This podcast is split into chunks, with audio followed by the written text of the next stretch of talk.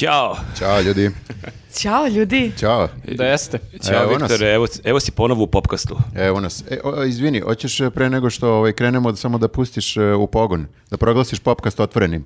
Pa, pa, pa, pa. Ma, bravo, bre, idemo. Fantastično. Kakav spektakl. Treći popkast otvoren. Ništa lepše nisam vidio ove godine. Kako vam je bilo prošli put sa uh, guest, star, guest starom? E, super je e, bilo e, prošli je, da. put. Da. Mislim, Znaš, gledao super je bilo nego... bez tebe, da. Uh, bilo je baš lepo, baš se lepo uklopio. Jeste. Teo sam da vidim kako je bilo ovako behind the scenes, to. Um, super se snašao čovek i bilo je kao da je neko od vas trojice što se tiče to. ono maltretiranja. To, neki lik s kojim bismo otišli na kafu. Jeste, da. Ja sam se malo bojao kako ćemo da ovaj komuniciramo, nije komuniciramo nego kao kakva je energija neke nove osobe u, u ovaj A još plus ekipi. zvezda, može bude umišljena zvezda, znaš može Može da bude, ali ispostavilo se da sam ovaj brinuo bez razloga, super je Bane baš i prati dosta toga i lepo priča, tako da to je to. Da, da, baš sam s nekim ljudima pričao, oni su mislili da smo mi ortaci da mi s njim kao blejimo mm. često jer baš je nekako lepo išla priča, a pritom da, da. jako je spreman, on baš mnogo toga prati. Čovjek prati sve osim Zmajeva, to sam to sam Ne voli ne voli SF, ne voli da, SF, da. ali sve osim SF-a gledao što je ikad izašlo. Pa dobro, šta pa radi? I nije nas maltretirao tipa ono uh, prevoz, uh, smeštaj, nije neka detaljna rider lista i to, a, to sve. Da. Dok je nije zakasnio. Dobro, dobro, znači on Došao je tačno za, za na od nas, da da još uvek nas nije toliko upoznao da je mislio kad kažemo dođi u podne, on je došao stvarno liko podne. Ludak. Da, da, da, da. To dobro, ste dobro. male tajne. Dobro, I isto naučici. kao ti u pola podcasta sam ustao i otišao. Pa dobro, to, ne, to je... pola, pre kraja. To, to sam vidio, to sam vidio, ali ok, to su glumci koji su, kako bih rekao, uvek zauzeti. Da je njegov brat bio, onda bi bilo cool da On da mu kažete dođi, da dođi. dođi u podne i onda dođete u tri i radite. Mm -hmm. da. Tako da, ali on je izgleda tačan. Da, odgovoran, odgovoran. Okay. Jest, jest, tako Dobre, da je super je. bilo, ali je takođe super što si ti sada sa nama ponovo. Pa, I meni je super, moram da vam Jeste, kažem. Da, I... tebi sad baš prija kad ovaj, radiš neke druge stvari koje nisu ovaj, učinci. Koje nisu pelene, pa, pa da, I, jedva čekam da čujem najbolje preporuke, preporuke za crtane na Baby TV-u. Šta se gledalo poslednjih mjesec dana? Ode, on se prati. baby, je, baby je još uvek uh, mala, tako da ona uopšte ne kapira šta je crtać. Nije, tako da nismo došli do, do te faze. Ja ću to imati u nekom od narednih podcasta sigurno da vam mm -hmm. kažem koji su najbolji crtači koji mogu da prate i odrasli. Ovaj, ali za sada ovaj reaguje samo na ovako kao otprilike neke obrise mene i mame. I kao, otprilike, ah! to, to da, to mi je crtač, da. trudimo se da je kao, ej, evo nas ovde i tako to da, da. Mi, smo, mi smo zabava. U treningu si, znači, to je dobro. Jeste, jeste, da. E, pa dobro, mm, ove nedelje e, kada snimamo, znači da je posljednji petak uh, u mesecu, imali smo i uh, prvi giveaway na našem uh, Instagram profilu. Mm -hmm. A, mnogo sam bila sreća zbog toga, baš tako pravi neki influenceri. Mm -hmm. I a, dosta se ljudi javilo i bili su jako zanimljivi komentari. Da, beše, pitanje je bilo da kroz neki stih ili naziv pesme opišu najčudniji dejt koji tako su imali. Je, tako je. I hvala svima koji su učestvovali. Žao nam je što, nemamo, što ne možemo sve da nagradimo, ali smo... Ne, stvarno je stiglo dosta predloga. Da. Došlo je, došlo je. I dosta došlo. komentara, dosta mm. čudnih dejtova, ljudi, baš mi je žao. A malo se plašim i malo se brinem šta su ljudi sve proživjeli. Neki dejtovi baš zvuče onako da. zastrašujuće po ovim pesmama. Pa jeste, mene sad malo strah šta da očekujem od svog sledećeg dejta, ono, mhm. bukvalno... Mm. Nemoj sada da, da prezivaš ovde, sad, znaš, kao da ti se javljaju ljudi. Bolesnici? Da, da. Pa da, da, uglav... Ne, ne, ne, ovo nije poziv za da, vas. Da, da, ako želite ispirišiti ili savjetujete neku dobru pesmu koju će dostavi da u komentaru, pišite. E, ali dobro, bit će zanimljivo da vidimo i kako će izgledati sledeći giveaway, pošto ćemo imati i sledećeg meseca, tako da obavezno uh, ispratite naš Instagram profil, ali evo možemo da kažemo kako su zvučali pobednici. Da, uh, ali nismo samo rekli da taj giveaway bio da je naš prijatelj pod, Converse, da tako je, tako ti je. pobednici dobili po jedan par patika. Jedan... I to onih legacy patika, znači baš onako... To su iste ove što i mi imamo. Da. A slične, da. Oni nisu su, iste. Da. Mi smo oni, drugačije. oni su dali od sebe, tako se prevodi giveaway. Aha. Dali su od sebe dva para patika ljudima. Ali nisu samo dali od sebe dva para patika ljudima. Znači, od oni su takvi prijatelji.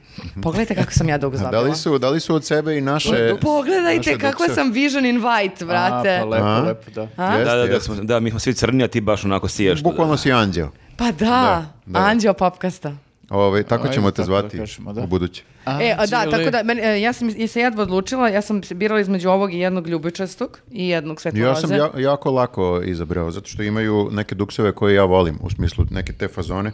Volim da imam kapuljaču, da što se osjećam bezbedno, ne mogu A sad staje na glavu? Staje mi na glavu. Staje mi na glavu, znači... Znaš kao, duks je XL, kapuljače je 4XL. Jeste, kapuljače je vrlo inkluzivno, znači staju iza glavate ljude, sve može. E pa to je unisex u stvari Volim duks. ovo kad ima ovde e, da čak, da se stavi rukice. čak i rukiče. Piše, čak i piše na etiketi, ja mislim, gender free. Da, za glavate da, da, da, ljude. Da. E, a ja sam ljude, da. brovi koji mi se dopao sličan kao tvoj, samo što ima ove, ove rajspe šlupa, onda je praktično, možda ga raskopčaš, možda skineš. Da, skroz isti kao tvoj, e, samo što ima Rajfešlus i nema slike. E, ali ima ovde koliko sam vidio, i za levoruke i za desnoruke, možeš sa obe strane e, da pa da to je, Kakav ja, inkluzivan brend. Ja, ja kao levoruki ovaj, korisnik dukseva baš često imam problem da zakopčam duks. da uvijek se ko banka da. u Ti do da. sad da. nikad nisi ni uspeo da zakopčaš Ne, ne, ja bukvalno... Ovo je prvi duks koji može da zakopčaš. Sad mogu da zakopčam lepo i baš je onako ovaj, osjećam da brend misli na mene kao levoruku osobu. Slušaj ovo prijatelje iz komercije, pa su brate, s kim mi sarađujemo? Pogledamo pa ga šta. Da, dakle, kapuljače su za glavate ljude, pa rajfešlusi su za levoruke. A ima i za ruke. ovdje. a svi su jako fluffy, to mi se sviđa. Jo, jeste, si probao kako je mekano unutra. Da. Bukvalno ono konstrakta mekano, playing softly in the background. Da, da. Wow, lovo si lepo sročila svaka čast. hvala, hvala. Trudim. E, hoćemo da, da pročitamo stavimo. Hoćemo. Ajde, da pročitamo hmm. pobedničke neke. Pobedničke, uh, krenut ćemo od uh, Mileta. Mile je uh, muškarac uh, dobitnik uh, patika. Valjda je muškarac. Jeste, Mila, proverili smo. Okay. Mila je Mila, muškarac, Mila najbolja najava. Kaže, devojke su meni drage, volim ih, ali ipak znaj, snalazim se teško s njima, jedan susret uvek kraj. Dobro. Vrlo dobro. Da. nekako e, da. iskreno, uh, da, kako da... Relatable je da, verovatno za mnoge muškarce. to je, vidiš, to je zanimljivo, da, zato što trebalo bude kao čudan date, a zapravo možda je on bio taj čudak koji da, možda i devojci zapravo bio još čudni date. Mile nikako da se skrasi, to će nam kaže ovim mm. stihovima. Valjda Mileta nije bila blokirala na svim društvenim mrežama. Pa da, meni, mrežama. Se, meni se to i svidelo zato što je tako iskren u svoje uh, propasti. E, ali ja ne, znam, ja ne znam taj stih, moram da priznam. Ma nema te... Kako ne znaš? Bili? Jako je teško danas naći. To je idoli. A meni je zvučalo na Artan Lili. Retko te viđam sa pa devojkama. A, meni je zvučalo i Artan Aha, Lili. Ne znam. Da ti ne pevam sad ceo. Da, Nema, dobro, znam razum. Ajde, otpevaću ti, ako već insisti. Devojke su meni drage. Okay. Jo, jeste. Voli mi, e, ali pak znaj. Pa nije to taj stih. Snalazim se... Uh, Ovo sad je najgore. Ne, a, a... Snalazim se teško s njima. A, Jedan susret, tu, tu je kraj. Pa, ba, ba, ba, ba, ba, pam. Pa, ba, ba, ba, ba, ba, bam, pam. A ja sam pomešala s Artem Lilim ono, jedna greška pukne, znaj... Uh, uh, Dobro, ne moramo sad da pevamo sve pesme koje znamo. Nisu sad Artem Lili baš toliko ušli Reći ćemo samo da sam ja bio u pravu, i idemo dalje. To je najvažnije. Idemo dalje. Uh, devojka koja se potpisuje kao Katarina Anđelić uh, je... Um, Žensko. Žensko. A, I a, njen komentar je suze, krijem suze same, e, teku stare rane još me peku. Divlji Kesten, pala sam na sred dejta i razbila se ko zvečka. Ja sam se toliko nekako i s njom a, e, mm e, Saosećaš čovjek? Čekaj, čekaj, čekaj, jesi si ti pala nekad na sred dejta? O, ja sam generalno pa trapava žena, tako da dejt, ne dejt, pala i onda kao iskreneš uh, kičmu, uh, zglob uh, i šest pršena pršenova i onda si u fazonu, dobro sam, dobro sam. Da, da, da svaki, svaki neuspešan dejt je pad na neki način. Ali nije važno kako padneš, već kako ustaneš. I da. otreseš pršinu. Moja žena je pala na svadbi. Jo, pravo. Pa dobro, to, nije, to nije date, to je, znaš, kao, mislim, jeste date, ali je neki... Va, vaši svadbi ili tuđi svadbi? Našoj, našoj svadbi, da. Pala je, ovaj, ne znam ni kako je uspela, igrala je kolce i nešto se valjda, dali li saplela on u venčanicu ili tako nešto i malo je onako kle, kleknula, niko nije primetio, malo je kleknula, mhm. onako, i onda je nastavila kao, onako, junački, onako, malo je tu morala da ima neke ove ovaj, flastere Aha. posle i tako to. Nije pa, bilo dobro, naivno uopšte. Ali kolce je zeznuto, znaš, još ono u tim, kad, kad si u nekom nekoj haljini, ono, baš je opasna stvar. Mm. Ja sam više teo da kažem kao, devojke su u suštini bangave.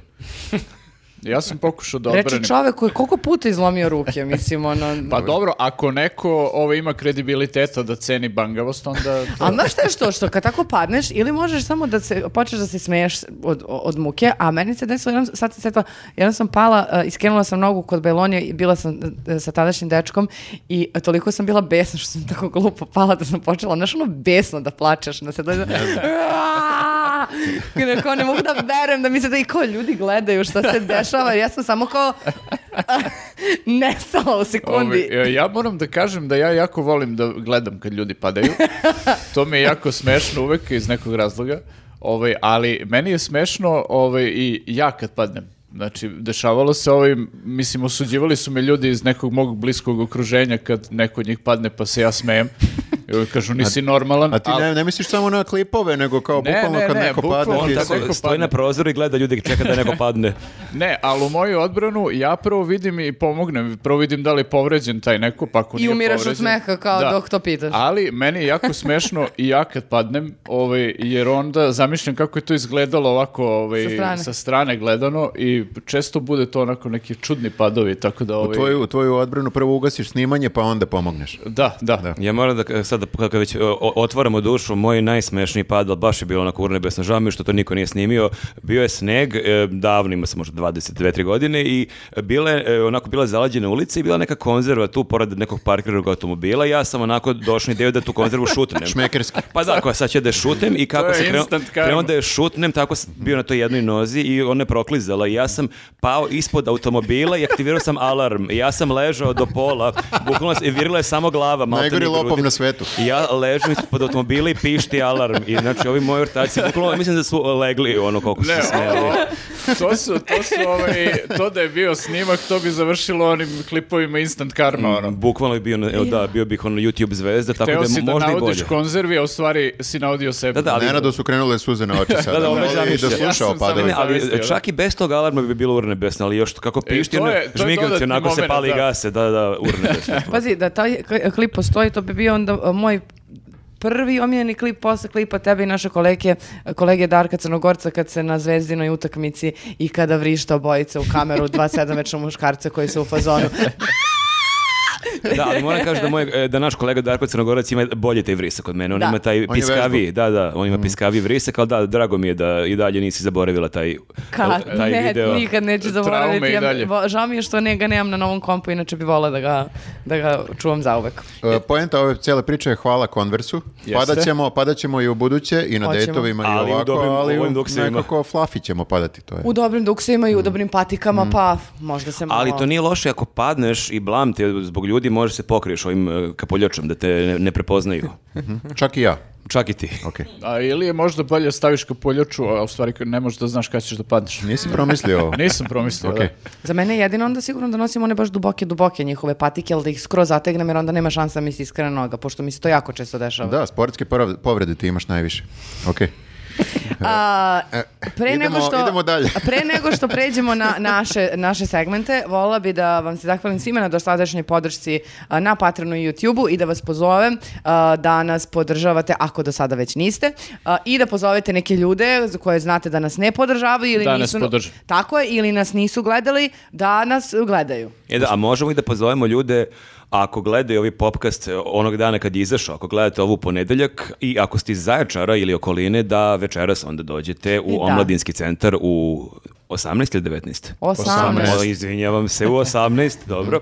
Tako da ništa, ono, vidimo se tamo. E, to, e sada da počnemo. E, ali pre nego što počnemo, ako vam je ovaj uvod bio predugačak, imate dole uvek e, na svim videima ono skip dugme da preskočite imate i da dođete i da počnete ako, ali, dobro... ako vas smara. Eto, to sam ali, samo teo da kažem. Sad ću fazonu, ali što mi to sad kažeš? Ali samo da vam kažem nešto. Ajde. Ako uh, ste razmišljali da preskočite uvod, samo razmislite još jednom dobro. Jer, da ste preskočili uvod sada, ne biste čuli ništa ništa Naravno. o našim padovima i Marku ispod automobila. Ne, ja samo pričam o ovim... Da, da ne biste mogli da vizualizujete mene ispod automobila parkiranog koji pišti Naravno. Ko ležim. U našem podcastu je blago svuda raspoređeno strateški oko, tako da ovaj, koji god deo da preskočite, propustit ćete nešto. Ovo je samo pričam za ove ljude koji nemaju dušu, koji hoće da preskoče. Ma da, e, To sam da. samo njima teo da kažem. Bezdušnici. Okay. Ja mislim da smo to s uvodom već rešili, ono, ne, mm -hmm. ne verujem da ima još ljudi koji preskaču. Ok, ok, idemo onda. Idemo. Na uh, prvi segment, a to će biti filmovi. Serije. Uh. Zar nisu serije? Serije, serije. Serija. Serije. Serije. Da, ajde. Serije.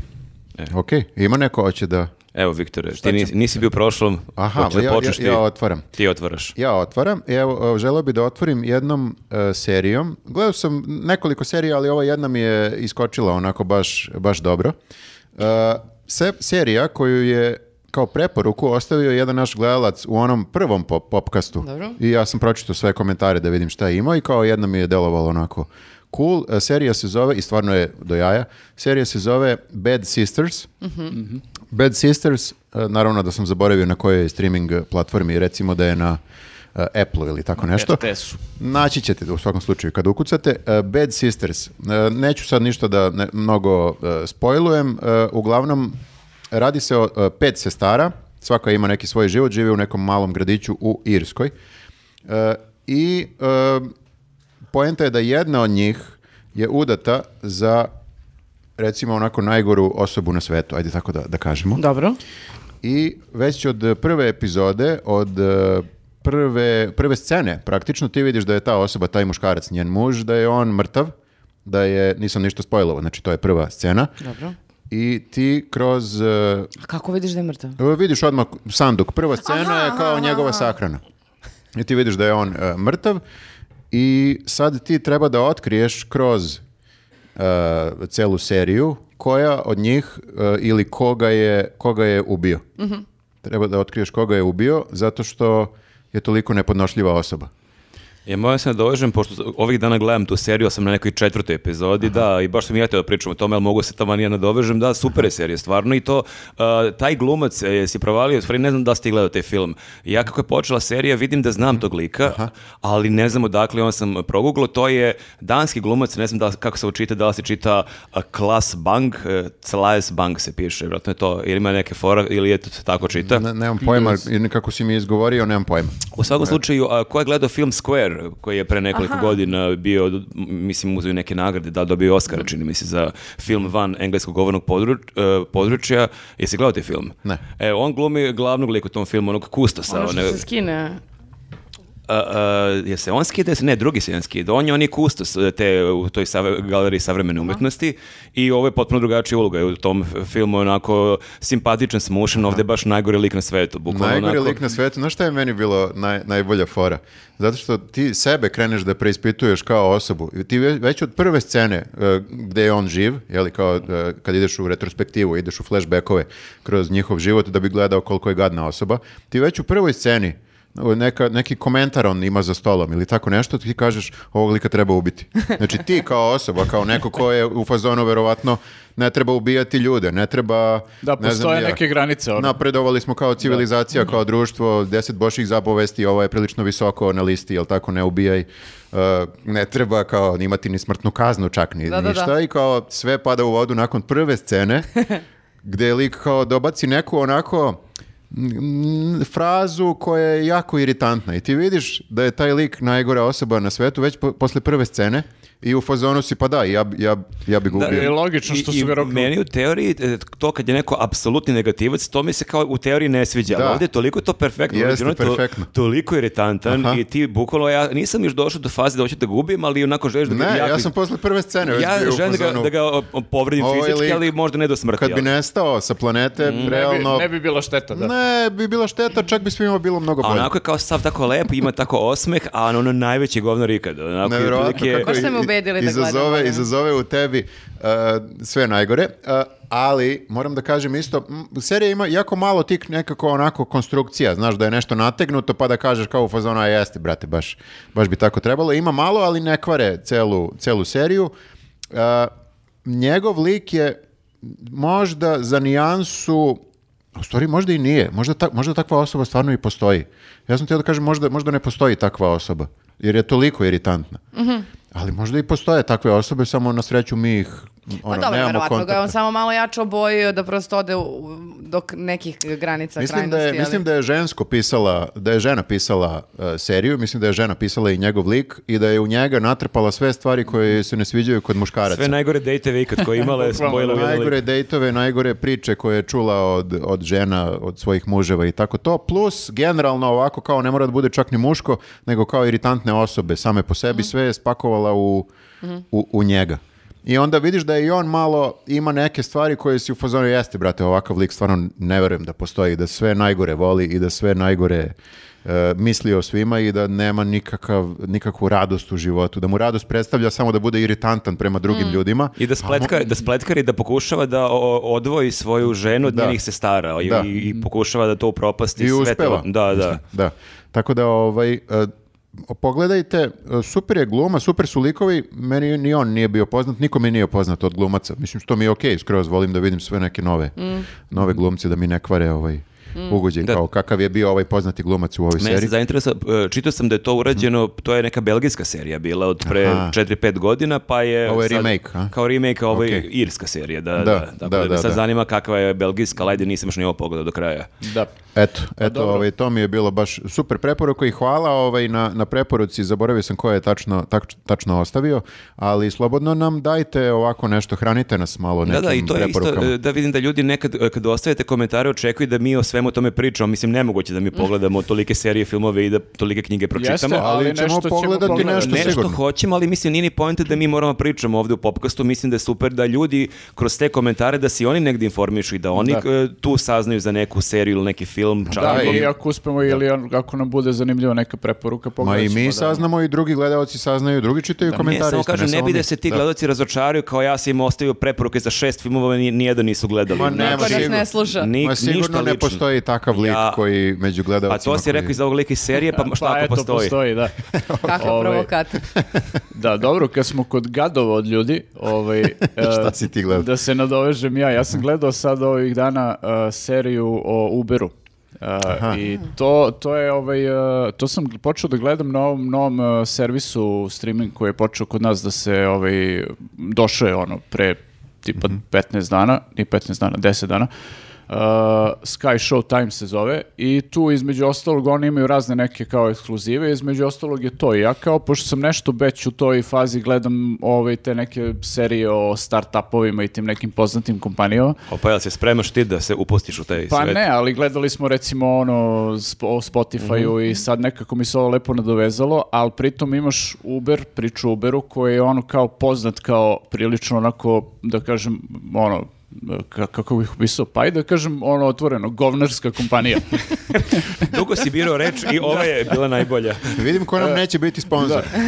Da. Shvatio sam da ne mogu da nađem dovoljno dobru reč. Ali potrudio si se baš. Jesam, jesam, istimo sam se dosta. Ove, ovaj, uglavnom, e, serija se zove Super Pumped uh, The Battle for Uber mm -hmm. i ovaj, Se I, kaže Uber na engleskom i, ili Uber? Uber, ne znam. Uber. Ja mislim da je to nemačka reč i onda Uber. moraš da je čitaš Uber. Uber. Uber. Okay. Uber. Uber. Da. Dobro, The Battle of Uber i uh, ovaj, priča je generalno ono kako je nastala kompanija, igrana je serija skroz, nema nikakvih nekih ono kombinacija dokumentarno igrano, nego je cela igrana. I super je ono po, postava koja glumi, nisu sad neki ultra poznati glumci, ali sve ih prepoznaš ono, znaš ih ono, iz nekih raznih drugih uloga. Uh, I uh, jako je dobro ovaj, opisan taj lik uh, tog uh, osnivača, Travis Kalanick se zove čovjek, -huh. Mhm. koji je osnovu Uber i koji je ono na kraju završio tako što su ga izbacili iz kompanije. Uh, I uh, dosta dobro je sve to... A je on govnar isto ili... On je baš ultimativni govnar. A, pa e, dobro je da su ga znači, izbacili. Znači, volim što preporučujemo dve serije gde su glavni likovi ultragovnari. da, on... A, a je li ovoga treba ubiti? pa ne, ne, ne bih baš toliko... reči, da, da.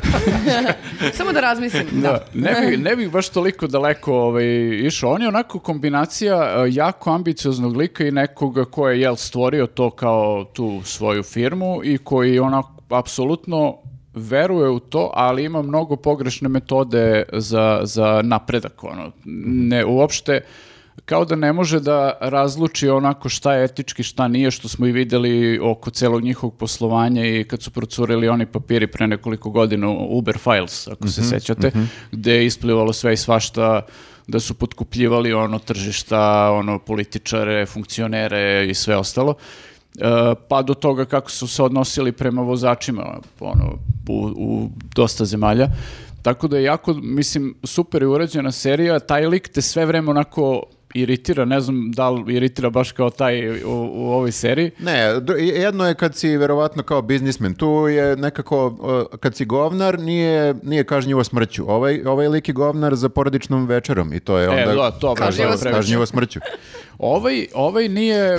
Kad da. Viktor zove na večer, da znam da ne, dođemo. Bukvalno da znam šta pričam i e, kako se ponašam. Imam neki basket baš te večeri, žao mi ne mogu da dođem ne, ovaj, ovaj nije anđeo, on u međuljudskim odnosima, znaš, on i u odnosima ličnim sa, sa ljudima, ali ovaj, to baš dolazi do izražaja u tom vođenju kompanije i svem ostalom, tako da ovaj, E, dosta, mislim, ja, ja sam pogledao nekih 5-6 epizoda, traju epizode onako po dobrih sat vremena, ali nije uopšte kao da on upadneš u neku kolotečinu ili smaranje, dosta je dobro urađeno I ovaj, eto, to je preporuka ovaj, da, da pogledate, jer baš je i uh, urađeno je onako faktor, faktorski gledano E, tačna je serija, znaš, jer već ono neke stvari koje si, ne znam, čuo u medijima, nije, pročitao... Nije romantizovano nešto, nije, nije nešto, da bi da, bilo uzbudljivo i to. Da, nije romantizovano, nego je dosta ono kao ovaj, e, prati, prati ono što se dešavalo u realnosti. A jel ova ekipa koja se spominje, ekipa oko e, Ubera, jel su reagovali na tu seriju, su tužili nešto, su demantovali? Ne, ne, ne, za sad nisam čuo ništa da je bilo nekih posebnih reakcija,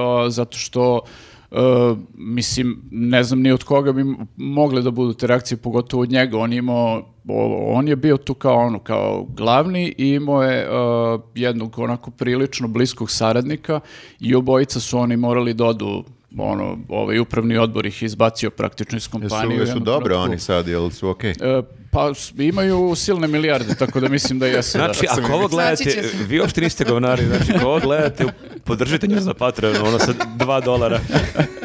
su u stvari pa, super likovi. Dobro, znaš šta, mislim, ono, kapiram da priča Ubera kao kompanije, da se ona mnogo promenila od kad su oni izašli pre tipa pet godina iz kompanije, to im je kao, oni pokušavaju sad da se rebrendiraju i sve to, ovaj, tako da, ovaj, ako budu ovaj, došli u Srbiju da posluju, možemo da kažemo, ne. evo, ovaj, znamo da ste vi sad nova i bolja kompanija. Ili možemo se dogovorimo ako će biti sponzori da Nenad prosto ne bude više u tom podcastu. Mislim, postoji ta opcija ovde lutka Uber, samo piše. Da, da, možemo i da ovaj, samo bipujemo ovo što sam pričao. Da, da, ne znam koliko, koliko takve serije utiču na neke koji su stvarno u fazonu da započnu neki posao, da oni misle moraju da budu govnari da bi uspeli u životu. Pa mislim, mislim da ne može da utiče na taj način negativno negativno zato što ovaj, uh, Uber je baš izuzetak mm -hmm. u tom svetu. Oni su baš baš. uh, baš su gazili sve pred sobom i kao nisu imali skrupula, čak su radili mnoge ilegalne stvari, o čemu se isto priča u, u ovaj uh, seriji, do, do te mere da je ovaj bukvalno pozvan bio na raport kod uh, tima Kuka iz uh, Apple-a, gde je bilo kao da li će da ih izbace sa App Store-a njihovu aplikaciju ili ne, zato što su bukvalno ilegalne neke stvari radili. E, ali ja ne znam ništa, kad su oni nastali, gde su nastali, uopšte ne, baš ne znam ništa o njima. Oni su nastali 2011. Gledaj seriju. Pa da. A dobro, čisto, neće e. spojilo je naš, ono, čisto koje, koje godine da, pričamo. 2011. ja mislim da su nastali u San Čekaj, pa Francisco. Čekaj, pa News je stariji od Ubera, Jeste, da. a oni da. su ipak malo više para zaradili. A vidi ti da smo mi, da Ali mi smo okej okay, mi, da, mi nismo govnari. Oni, imaju da. oni Patreon. Mi se nismo širili, da, ovaj, na druge tržišta, to je problem ovaj. Tako da, e, i bukvalno su bili pred izbacivanjem sa App Store-a, što bi značilo smrt za kompaniju praktično, jer to je kao njima je Amerika i App Store im je ono jako bitan i ako bi ih izbacili odatle, mogli bi samo da zatvore sve. I ovaj, ali baš je koristio ono metode, ne koji su siva zona, znaš, nego ono, potpuno ilegalne stvari su radili i to nije nešto što rade inače te tehnološke kompanije, mislim kad rade obično na drlju, kao što je bila i ova što je e, slagala zonu onu analizu krvi, ona, mm -hmm. Elizabeth Holmes, mm -hmm. mislim, njena isto provaljena firma, šta rade i propali su, mislim, bankrotirali su, tako da mislim da neće da utiče sad na neke klince da budu baš toliko beskrupulozni. Ali za svaki slučaj da kažemo, ako ovo gledaju neki kao budući preduzetnici ili tako nešto, nemojte možda da se ugledate na, na Uber, ali pogledajte uh, podcast našeg uh, osnivača, Dejana Nikolića, koji, koji daje besplatno mogu da kažem, pošto je na YouTube-u sve, daje savete iz te sfere preduzetništva, pa čak i konkretno iz uh, start-upova, zato što je sam prošao ceo taj proces uh, osnivanja firme i uh, kako bih rekao daljeg razvoja da, firme razvoja, da. a iz Srbije ali na globalno tržište. Da, da, on je super to kako je on baš ima usku ciljnu grupu, dakle 99% ljudi koji ovo gledaju to neće zanimati, pa, nemojte kliknite, ali ako ste 1% tih koji hoće da pokrenu neki startup, pa ne, naravno, baš dobre savjete ne, ne očekuje on da mu pot podcast bude ne znam nija koliko gledan, znači nemoguće imati milion preduzetnika u zemlji, ali ako Bogu, baš... Bogu hvala. Ostavit ćemo link dole pa pogledajte ako vas stvarno interesuje. Možda bi smo mogli mi da pogledamo njegov podcast, da naučimo mi nešto kako da razvijemo naš biznis. Ja sam pogledao malo i ja ne znam to da radim. ja pogledao, da, 10 minuti kao ok, vrlo da, je to Možda postojan. ja nisam za preduzetnika, ja sam okay s tim. Da, da mislim, znaš šta, dobar moment je tu ovo što su, kao što klincima, na primjer, mogu da pokupe, je to kao da ove sve vreme potencirao to da su oni disruptor firma. To je, ne znam, ne postoji sad neki uh, izraz koji je pogodan u srpskom jeziku, ali to je kao... Govnari. Nije, nije. Jeste i to, ali firma koja donosi kao nešto promene potpuno... koje su da, drugačiji. Da, donose baš stvarno neke promene koje uzdrmaju tržište, što oni jesu uradili. E, ja se slažem sa Viktorom onda. A, pa oni, ovaj. unište sve ostale. Pa ajde, možeš i tako da kažeš. Da. Govnari. e, pioni, pioni, pioniri, ne govnari. kulturni podcast. pa dobro, nije... Ove... Ne, ne, nije kulturni, nego je, oh, kulturnim dešavanjima. Da, Aha, da. dešavanjima. da. Ovaj, da, uglavnom to je nešto kao, ok, možete da težite da stvarno promenite neke stvari, možda ne na način na koji je to Uber radio, ali ovaj, eh, eto, to je ono što može se Sviđa mi se ovaj eh, Branko Kockica moment na kraju. Šta smo naučili? Znači, deco, deco. ako ulazite u startup, nemojte, perite ruke. Slično. Pa uh, dobro, mislim, znaš šta, lako može neki klinac koji sad ulazi u te biznis vode da se ono kao zanese i da ovaj lik je stvarno harizmatičan i mhm. glumec koji ga glumi je dosta harizmatičan i super ga je odglumio i sve to i znaš, stvarno ti on ono, u jednoj epizodi ima 16 motivacijnog govora i posle tog svakog govora si ti u fazumu, to bre, jebi ti majku, razumeš, ali... ali uba. Uba. Ali onda kad ti shvatiš zapravo šta oni rade i koliko krše zakone i, i o kakvim se metodama služe, onda shvatiš da to etički nije baš ono, okej. Okay.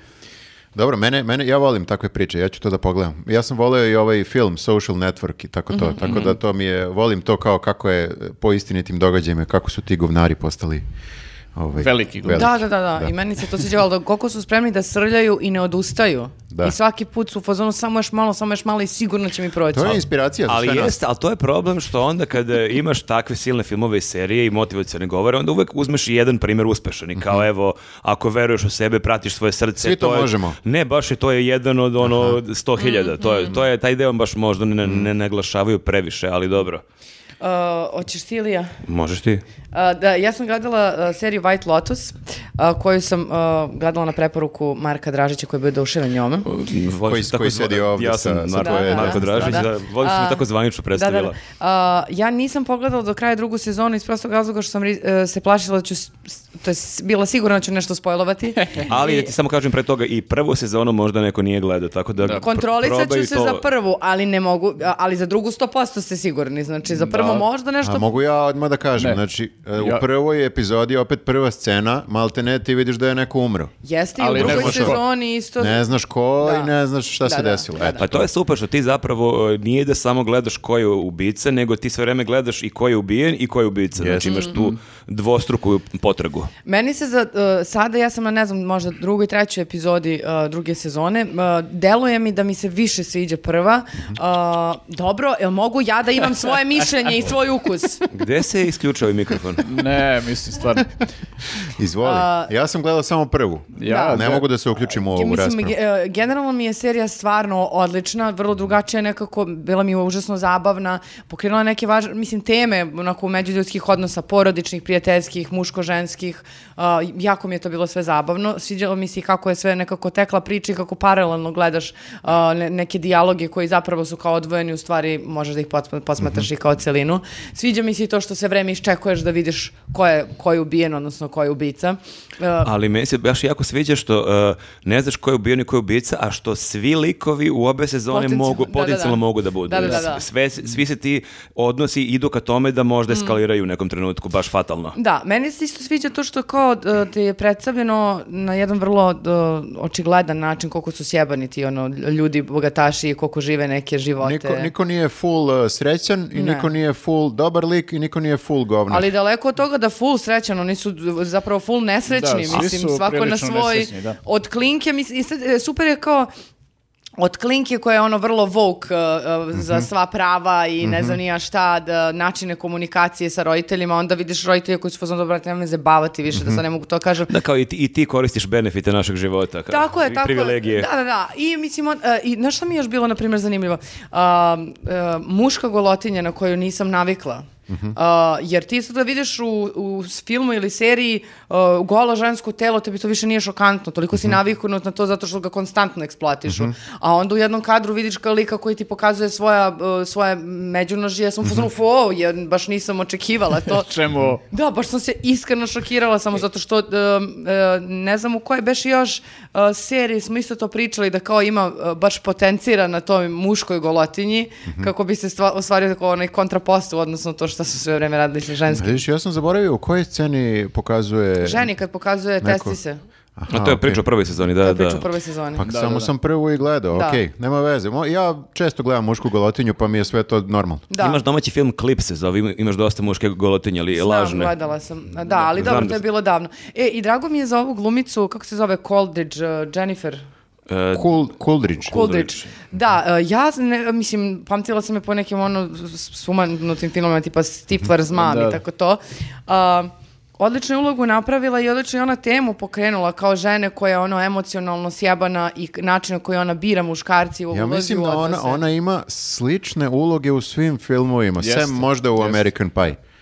Da, li e, ovde mislim... Svuda gde sam je video, ona je meni vrlo slična i verovatno je i njoj to nekako prija da igra mm, da. takve, da. takve uloge ili je takva u pravom životu. E, to. Da, meni deluje kao da ne glumi uopšte. ja, ona. ja generalno nisam fan uh, glumaca koji su uvek... Typecast. Uh, da, znači mislim to kao sad sam uvek isti, pa to sam... Ali, s druge strane... Ne voliš Denira? Šalim se. Ali s druge strane, mislim da ona ovde jeste napravila neki, ne, ne, neki iskorak, makar da je sad to što je njen, njen ka, ono, karakter, no, lik u filmu, da, da, ga da. je onda nekako obogatila dodatno. A i gla, glavnija je uloga nego inače što da. ima, to je dobro. Dala mu je da. neku dodatnu širinu i mhm. dubinu, kako već hoćeš da kažeš, tako mhm. da je, to je zanimljivo mm -hmm. i um, njena scena generalno, kada je, to sam se toliko identifikovala sa time kad je u fazonu, brate, kao bolje sad da napuknem ovde da vidiš koliko sam lud bude da kao i da odeš od mene, bolje idi, ne mogu sad da čekam da vidiš koliko odličan sam luda lik, kasnije. Odličan lik, da, da, da. Prvi dejt, ono. Da, da, da, da, ja sam uzelo, brate, ja moram ovo uskoro da uradim, možda ću da budem sigurnija. kao, ovo je naš prvi dejt i ovo je moje najluđe izdanje. Ono. Da, da, ako, vidi ovo ako, i dobro razmisli. Podneseš, da. To nije loša taktika uopšte. Odlično. Meni u seriji sjajno kako u obe sezoni imaš taj koncept da je to neko preskupo letovalište i da. kako imaš te jako bogate ljude koji odlaze na preskupo letovanje u nadi da će da im to sredi život, mm -hmm. da mhm. će da se kao malkice ono uh, saberu u koje god probleme da imaju, a što apsu, apsolutno vidiš. Da svi imaju to... neka velika mm. očekivanja od tog uh, odmora, a zapravo još više zakomplikuju život. Na mm. tom Ali to je super baš onako i sociološki koliko zaista ljudi i kako posmatruju letovanje, kako zaista svi mi negde verujemo da će ti neka odlazak na more nešto mnogo značiti Mm. nešto i poboljšati i nešto promeniti, a koliko zapravo to mi ono, zabluda. Mm. A i neki put, neki, eh, nekako pokazuje malo i besmislenost turizma.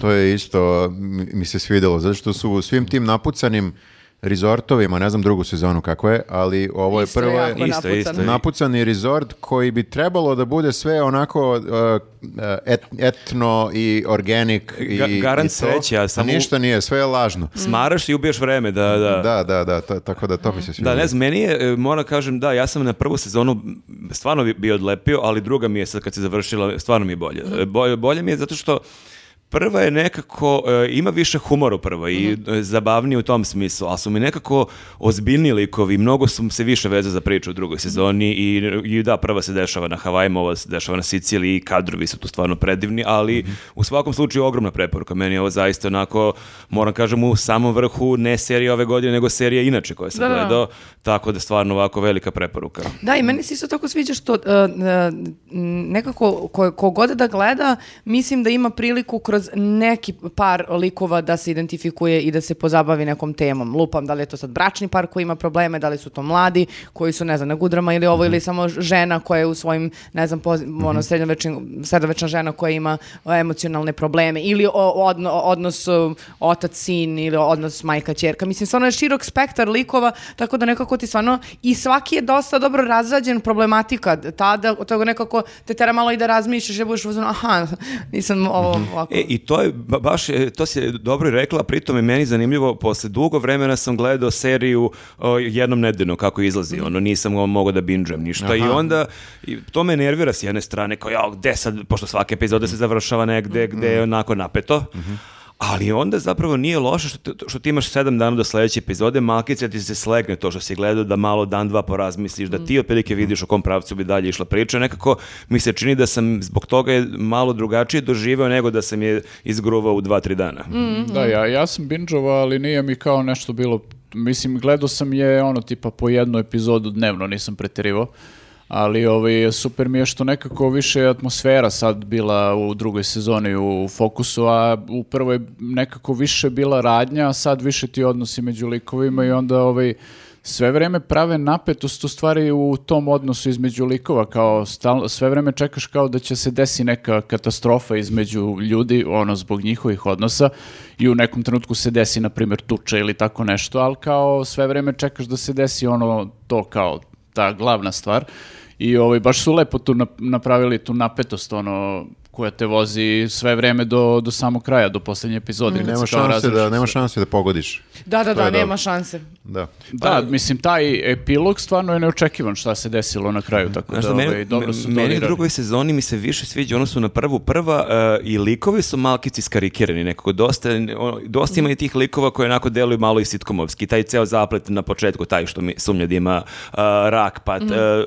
ta čitava porodica, onako dosta mi deluje iskarikirano. Ovde mi se dopalo što su nekako realni likovi, mm -hmm I da, u prvoj sezoni to je isto neka razlika, dosta je akcentovana ta klasna razlika, mm -hmm. kako se dešava na Havajima i to, taj odnos uh, ljudi koji rade u hotelu i odnos bogataša i to kako prilike, koje privilegije ovi imaju, kako, kako ovi drugi mm -hmm. prolaze. Ovde to nema toliko, ali nekako mi se čini da su svi likovi druge sezoni mnogo su mi nekako upečatljivi, mnogo su mi neko realniji. Mm -hmm.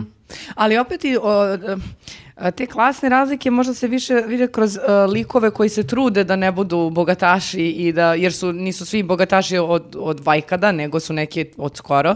I onda kako se oni sad trude da budu drugačiji od ovih poš likova koji su tu sad mhm. bogati, ne znam koliko i koji žive, ne znam čemu, kao idu na isto mesto i druže se sa istim ljudima, mislim, druže se zajedno i sede za istim stolom, tako da je tu bilo onako. A Još... u, u obe sezone, izvini, u obe sezone je e, lik ta, koji je taj neki glavni na, na, recepciji, u obe sezone su baš prikazali koliko u tim svim skupim letovalištima manje više imaš mobinga i maltretiranja mhm. među ljudima koji rade, tako da ne znam, i taj deo mi je zanimljiv kad ti vidiš koliko zapravo to na prvi pogled, ako se ne udubljuješ, vidiš svi su tu nasmijani, svi su tu da te usluže, a zapravo koje tu spletke postoji. Jeste, to je rudnik u stvari. Da, da. da. A, dobro, da, ali misli, uh, e, i, uh, potpuno su drugačiji likovi likovi sem ove e, uh, Coldridge, Coldridge mm koja se uh, vraća u drugoj sezoni, mm -hmm. svi, svi su ostali drugačiji, drugačiji likovi. Mm. I meni je to isto jako bilo zanimljivo kako će to da odrade. I baš se pitala kao ko je, ko je lik koji će se koji će se vratiti. Dobar koncept. I sviđa mi se uh, zato što znaš kad će kraj. Ne, mhm. ne volim ove sad uh, serije koje ima, imaju milion sezona sa po milion epizoda koje svaka traje ne znam nija koliko, Walking Dead, gledam u tebe.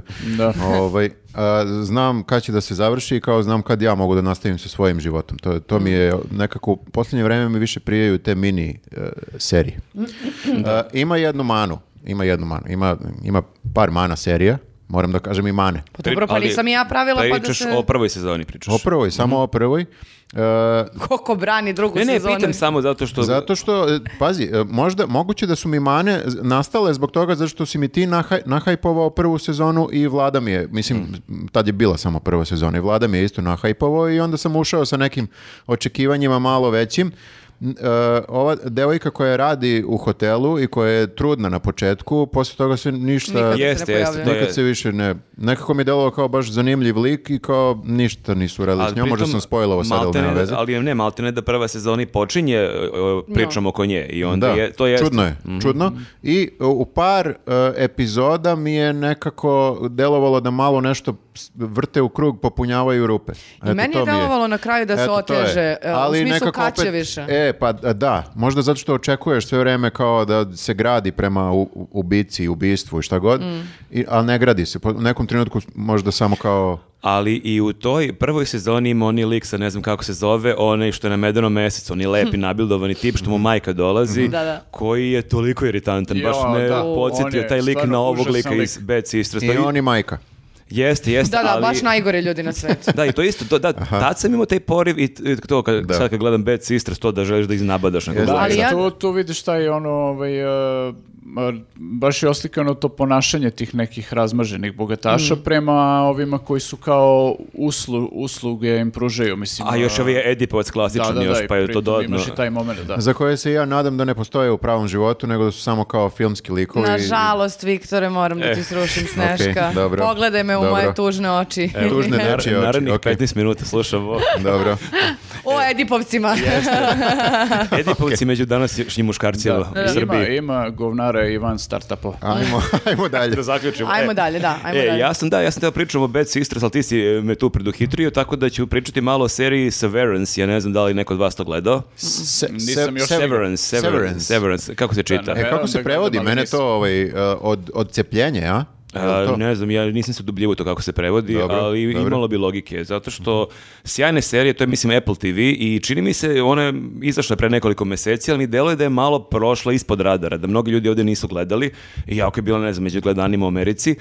I e, sjajne serije, pogotovo je meni zanimljivo što ona se negde vodi kao SF, što mm -hmm. u mhm. startu nije žanr koji ja nešto preterano mm -hmm. volim, a da ja ne volim toliko SF kad su svemirski brodovi, neke nove planete i slično. Zmajevi. Zmajevi također ne. A, Svemirski zmajevi. Čekaj, zmajevi su više fantastika. A oni su F. Mhm. E, znači, F, dobro. Okay. E, u, u, u, epic.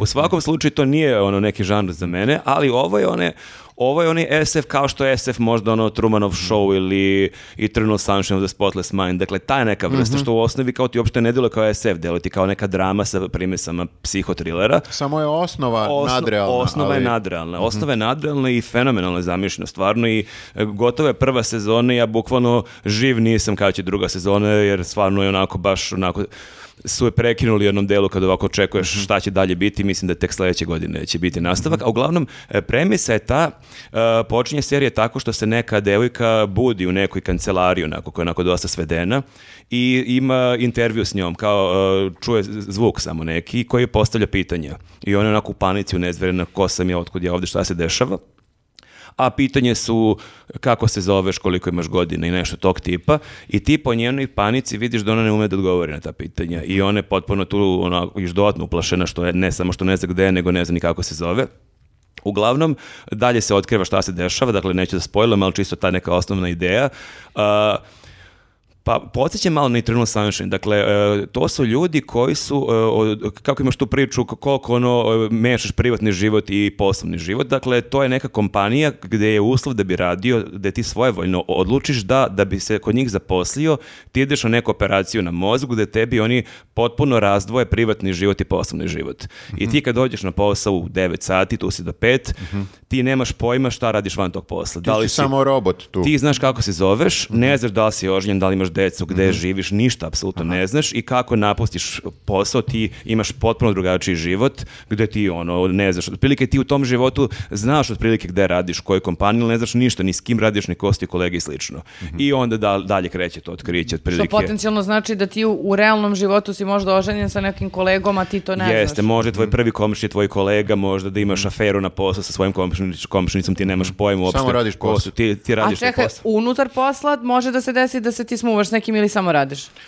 može, ali unutar posla je to isto malo bizarno, imaš što je neka ogromna kompanija gde imaš razne sektore, tako da ti imaš sektor da je njih, kao što su mi ovde nekoliko, ali oni otprilike je tako je postavljeno da ima nek kao strah i rivalitet, otprilike svi ti drugi sektori su negde u nekom drugom delu mhm. hodnika i ti se skoro nikad sa njima ne viđaš. I otprilike, da, da i takmiče se, verovatno. Tako se takmiče i oni imaju tu neki svoj odnos i onda, dakle, jedan lik tu kreće da istražuje, neki njegov kolega više tu nije sa njima i onda on kreće da istražuje otprilike i da pokušava da otkri otkrije šta se dešava i zašto je to tako. Mm -hmm. Ali zanimljivo što, što je zanimljivo što je svako svojevoljno došao, što je svako otprilike nije da neko njih kidnapovao, nego ljudi koji većina njih Hoće da se odmore od ne. Da se odmore ili, ili ne rade dovoljno dobro kada Ne to nego imali su recimo neku privatnu tragediju i on Aha. želi da recimo ovaj ostao bez žene okay. i onda on želi da 8 Aha. sati dnevno ne, ne, ne zna da je ostao bez žene koju voli slično, tako da otprilike svako njih svojevoljno dolazi i jako je napeta mhm. serija. Pritom, e, zanimljivo što je jedan od producenata, koji je, mislim, čak i režirao par epizoda, Ben Stiller, komičan, Aha. koji mhm. ja potpuno me to šokiralo, jer kao opšte nemaš nekih komičnih momenta ili ih imaš Aha. minimalno, ali eto, on je otprilike prepoznat uh -huh. tu seriju, a ovaj glavni glumac uh, se zove Adam Scott, on je neki komičar, kog, ja sam tek njega ovde otkrio, ali vidim da je on neki komičar koji glumi u nekim silnim serijama, ali mhm. eto, uh -huh. meni bi potpuno nepoznat. Sjajni Patricia Arquette glumi, -huh. Mhm. koja je tu neka onako zla šefica, tako da eto, baš ovako, ko voli taj neki fazon serija, velika, velika preporuka. A baš me zbunilo to kad si rekao a, da, je to, njega. da je to premisa, jer mi deluje, ima smisla kad kažeš neko ko kao od tragedije beži pa ide na, ide na posao, da ne mhm. razmišlja mm -hmm. o tome. Ti bi u kontrasmeru misliš. Da pa ne, nego razmišljam kao neko ko nema, znaš, kao ko ima normalan život van, van posla, zašto bi želeo da zaboravi na njega Pa koliko Ovako. sam shvatio, mislim, Ali... većina njih nemaju normalan da, život ja, i da, većina okay, ljudi kapiram, želi da ono kapiram. zaboravi. Da, ja dobro, sam dobro. mislio da kompanija to zahteva da bi postigla apsolutnu posvećenost poslu. Ne, ovaj. to se nije do kraja otkrilo. Svakako ima i toga, ali šta je ono što tebe kao zaposlenog motiviša da tu odeš, da imaš neku želju da zaboraviš na pa pola, pa da, pola svog života. Ne, ne, mislim da kompanija ne bi profitirala od toga da ljudi koji nemaju neke tragedije ili tako nešto, nego kao imaju normalne živote, ti nećeš ni raditi kako treba ako, ako ne znaš zašto radiš. Da, ali ako opet imaš neku brigu koja ne mora da bude tragedija ili ne znam ako imaš brigu, briga, da. ako imaš neke svakodnevne brige, to tebi može da bude distrakcija na poslu da budeš manje produktivan. Mala briga ili velika briga? Mala e, da, briga, da, ali mala briga može da te odvoji od posla i da ti, znaš, mala briga kao ono pogledaš u telefon i onda sat vremena. I, da, ovaj, ili e, prosto samo, nisi fokusiran dovoljno. Eto. Mogu samo da izbrišem malu brigu, ne, ne moram da izbrišem celu kao moju ličnost. Pa znaš kako, to kad Nenad, pošto je se zainteresovao za startupe, kad on svoj startup pokrene i pokrene kompaniju, onda da, možete vidjeti. Da, ja ću onda napravim takvu kompaniju. Dobro. Da ti ostrani mali A deo ti si rekao da nećeš da budeš govnar, samo to da napomenemo. Dobro, Pa sve neću, serije da. su povezane, vidiš Ja kao ću- vraćamo se da, na da. ovo, vraćamo se na govnare, sve ima. Da, ja ću njemu da ostranim samo mali deo mozga zato što nisam govnar. Mhm. E, ali taj glumac uh, Adam Scott, bre, znaš ga sigurno, on je super, uh, glumio je u Parks and Recreations i da, glumio da, je u da. Big Little Lies. E, u uh, Big Little Lies i glumi, da, da, da, da, jeste. Tako da, cool je on. Mislim, nije samo komičar, to ko ću da kažem, on je u Big Little Lies glumio, to je drama, mislim, nije, nije komedija. To sam pogledao samo prve dve epizode, tako da ne znam previše, Odlično, ali... Sviđa. Ne mogu sve serije da pogledam, ne stižem. Ne može jesmo, da se postigne. Jesmo te, to je to od serija. To je to od serija. To je to od serija. Ajmo ja na sam pogledao Inventing Anna, zahvaljujući vama, prošli put, super je, stvarno, e, hvala vam. Nema na čemu. Okay. Da, uh, e, idemo na film? Idemo na Možemo film. na film. Ko će? Hoćeš ti? Film. Imaš, imaš jednu anti-preporuku, koliko sam razumio. E, da, to je super, hoćeš da uh, Ili hoćeš preporuku, onu sa Netflixa, pa možemo o tome da pričamo zajedno. E, ja sam zaboravio, šta sam teo kao preporuku? Štuc, štuc. A, to je, to je film, tačno. To je više kao neki mešaju na filme i dokumentarce, pa sam zato zaboravio Dara. da je film. Uh, ajde prvo preporuka. Štuc, štuc, štuc. ne znam kako se izgovara. Štuc. Ja mislim štuc. Štuc, štuc. Volim e. što i ni serije ni filmove koje preporučujemo ne znam kako se čitaju, to mi se pa, sviđa. dobro, kucajte. Prezime, i radi se o prezimenu uh, psihologa ili psihijatra, mislim da je psiholog. Dobro, okej. Okay. Okay. Uh, Jonah, Jonah Hill režirao i pisao, mislim pisao. Pa, da. Zato što je polu dokumenta osmislio, da ajde tako da kažemo, nema scenarija, nego on ide kod svog psihologa, on ide već neko vreme kod, kod tog mm -hmm. psihologa jer ima raznorazne probleme. Mm -hmm. e, I sad je rešio da nekako predstavi tog svog psihologa svetu, zato što smatra da je jako dobar, jeste dobar, mm -hmm. tako što će da snima svoje seanse sa njim i da svi ljudi mogu da vide kao koliko njegove je... ovaj, metode. Njegove metode, koliko je taj lik car i možda nekom i pomogne, što je kao da, da. super. To I je kao stvar... ona naša serija sa Mikijem Manojlovićem. Na terapiji, da. Pa i jeste. Da. Doktor da. Kaci je meni bio bolje ako ćemo da, da pričamo. S što su i doktor Kaci i da. Miki da. Manojlović bili skriptovani. Ovo, da, ovaj, je, da. ovo, nije, ovo, ovo nije skriptovano, nego ti stvarno kao... Do, on stvarno dolazi kod njega mm i stvarno kao pričaju o nečemu, odnosno rešavamo... Ali se otkriva u nekom momentu da nije sve vreme baš kod njega, nego da su rekonstruisali njegov... E pa da, ali... E pa sad to... si spojlovo. Pa dobro, ali... Stvarno si baš ogromna spojlova. Ja mislim da to baš veliki Čak ni ja to nisam rekla. Jesi, jesi spojlova si, ali nisi mnogo spojlova jer možda ljudi ne razumeju šta... E, a, a znaš okay. šta, e, meni se tu... E, ja sam odmah pogledala, e, upustila čim je izašlo jer me interesuje me, mislim, ta tematika. Ali mi se, mi se nije dopalo to što, što i Jonah Hill sam priznaje dokumentarcu da on zapravo ne zna kako da napravi taj dokumentarac do kraja. Da. I onda je to eto, razlog za rušenje četvrtog zida i mislim sad kao po publiku da ogoliš potpuno. I nije mi se svidjelo zato što je krenulo od... Um, nečega što je univerzalna kategorija čoveka ovog e, psihijatra, psihologa, o čemu on priča, njegove metode, načine na kojima, e, s kojima ti možeš da se koristiš da bi rešio probleme depresije, anksioznosti, ličnog prosperiteta, čega god. Mhm. A onda se sa tog e, kao opšteg, što je nama kao gledocima mhm. bitno, mhm, mislim, ide na Johnu Hilla sa, i sve sa Kevom, ne znam, pa sam i zaspala nakon toga, I sad tu priča, mislim, jasno mi je da mi moramo da, da, da je super da mi vidimo konkretan, uh, konkretan primer da, da. bismo videli rešenje da. i kao, i to mi se super. A misliš ali, da je previše primer, ne, ali, niko nema takav život. Ne to, nego mi je samo nekako neko levitiranje između sto stvari zato što ne znam šta hoće. Pa šta? Što je oni sam priznu i onda si u fazonu, pa dobro majko, mislim kako se niste dogovorili za toliko. Ono. Ali mnogi ljudi ne znaju šta hoće, to je relatable. Ja moram priznat da sam e, počeo da gledam film dva puta, sam dva puta zaspao i nisam... Zahteva, e, e, to mu je možda mana, ajde tako da kažemo, zahteva ogroman e, fokus, nije ono kao film koji je razvodnjen i pušten da. i kao možeš da se malo isključiš pa se uključiš pa kao to, nije, nije standardni, čak ni dokumentarac nije, standardni. Brate, nije za nego, nego je zajebano i to što se radi i o psihologiji i onda ti moraš da baš kao vodiš računa o mm. tome šta ovaj kaže, zašto je to tako da bi shvatio Ali, dalje kako se dešava i to, mo, tu može da te izgubi. Meni no. najveći problem bio baš taj što mi se činilo uopšte da to nije toliko stvar od psihologiji, mm -hmm. koliko mi je taj...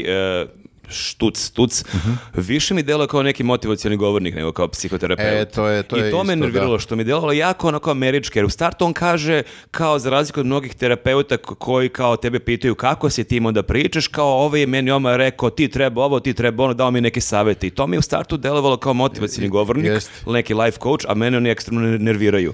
Tako da u startu mi je nekako to delovalo, neću kažem plitko, ali on sve vreme izbacuje neke ono Paolo Coelho mudrosti koje mhm. su i, i bolje i manje dobre, ali neko te bombarduje tim nekim frazama, ali nisam uopšte vidio taj neki odnos da on nešto njega sluša i da se on nešto, nešto nadovezuje, nego mhm. onako on nabifla njemu neke silne teze to te bombarduje što je mhm. jako teško pratiti. Jer A meni baš... uopšte tu nije smetalo, na primer, ja, uh, čak sam više u fazonu, brate, ovo treba pustim sa sve sveščicom i olovkom da krenem da zapisujem i da crtam one njegove. Uh mhm. -huh. uh, ja isto se ježim od ono motivacijalnih govornika i toga kako da mi kažeš da za 15 dana poboljšam svoj život i ono celo psihičko stanje.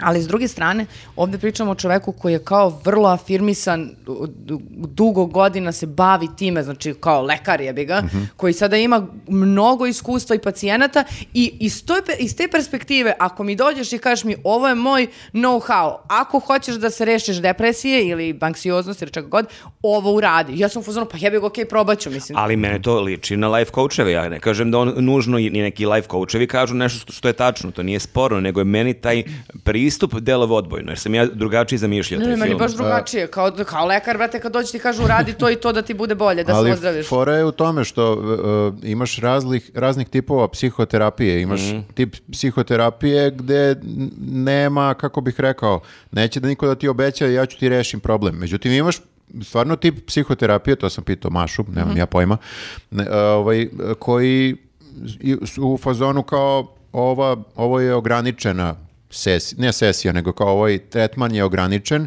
cilj je da rešimo problem do tog i tog susreta. Znači, postoji i to. Ja to mm. nisam znao. Mm. Mislim, liči na, na motivacijone govore koji mene nerviraju, mm. ali ja sam nekako spreman da dam šansu u, u fazonu kao sigurno postoji nešto što, što nije bullshit. Ne, ne, taj lekar, e, taj psihoterapeut je jako harizmatičan, jako on zanimljivo priča i mm -hmm. zanimljiva je pojava nekako. Mm. Ja shvatam zašto ovi žele da, ako je on toliko bio od njime oduševljen, ja shvatam tu potrebu, mm -hmm. kao ajde da ovo vide ono milioni ljudi. Samo možda sam ja očekivao neku malo dublju priču, odnosno dublje njihov odnos. Mislim sad banalizem, ali ono kad sam gledao ono kao klinac od Good Will Hunting, pa oni Robbie Williams, Aha. taj lik, mm. pa njihov odnos, pa njega sluša, pa mu daje savete. Ovo mi mhm. neku stav startu delovalo ovi ja sam hollywoodska zvezda, ja sam debeo i sjeban i ovaj mu ispaljuje neke ono razne savete šta da radi. Pa, pa dobro, ovo je digest, izmišljate prekida, meni se delovalo kao da ovo ja se neki digest za kao ljude da gledaju, sigurno da su oni imali sesije i sesije. Ne, naravno, on godinama s njim da. radi, naravno. ne samo to, nego kad se kamere uključe, ti nema šanse da budeš baš potpuno isti lik kao kada, Stim, kada se da. kamere, ovaj, kada kamere nisu tu. Tako da koliko god da su se oni trudili i verovatno su i uspjeli u dobroj meri da da nekako prenesu kako zaista izgleda ta sesija, nema šanse da je to mm. baš onako najbolje, najbolje moguće kako je bez kamere. Znaš što se meni, e, u stvari zašto se meni to svidjelo? Zato što e, za neke stvari zaista mislim da je e, i za neke prosto ozbiljnije probleme, te, ozbiljniji tretmani, i razgovori i sve ostalo, ali za neke stvari, barem evo ja lično, mislim da samo... Um, ne umem da vidim širu sliku i da sam zabagovala i da kad bi mi neko došao sa strane i rekao, e, ovako, ovako mm. i ovako i probaj, ovako bit će ti bolje, a ne da tumaram, ja bi bilo u fazonu, ajde brate. Ma da, nema ve, mislim, okej. Okay, Samo kom... bez mistifikacije, znaš, kao nije... Treba i da probaš i da kombinuješ te neke tehnike. Mm -hmm. ja kažem i life coachevi nekome pomognu, ja Ma ne da. kažem da, to, da je to apsolutna prevara, samo kažem da sam ja u startu imao drugačije očekivanje, mm -hmm. pa mhm. sam se tu malo razočarao u prvim mm -hmm. minutima i onda mu nisam posle pružio mhm. šansu, ali evo, možda da. će pogledati do kraja. Treba neko dođe da ti kaže, ne može trbušnjaci i torte, jednostavno ne, ne, ne može. može. i jafe, i...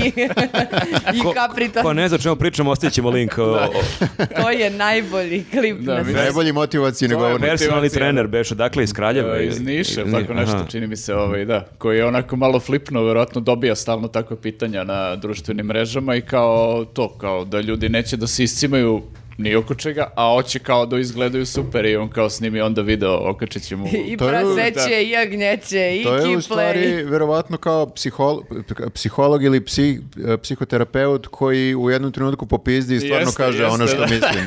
Ali u da. stvari, da. jedna od najlepših stvari u tom klipu koji traje, na primjer, 15-20 sekundi je uh, stepen kojim se gradi njegov bes i očaj ne, on je trenutka da mu... Iz... da. da. on kreće smireno, krenuo ali vidiš smireno. kako mu vene iskaču i i ono kako lupa. On. Dobro, dajemo preporuke i za kratke klipove, to da. mi se sviđa. Da, da, da. Samo se iznervirao jednom momentu. Kao, ovaj film ne morate pogledati, ali da, ovaj klip trenera iz Niša morate. To sam teo da vam kažem, mogli bismo da damo neki put i neke preporuke za neke druge podcaste. Eto, to je samo Može. za buduće razmišljanje. Može. Okay. Smislit ćemo. To je isto sad, mi smo sad isto pop kulture. Slažem se. Mi smo deo pop kulture. Uh mhm. -huh. Ko će sledeće priča o filmu? Kao rukom ono da... O filmu... Hoćeš ti?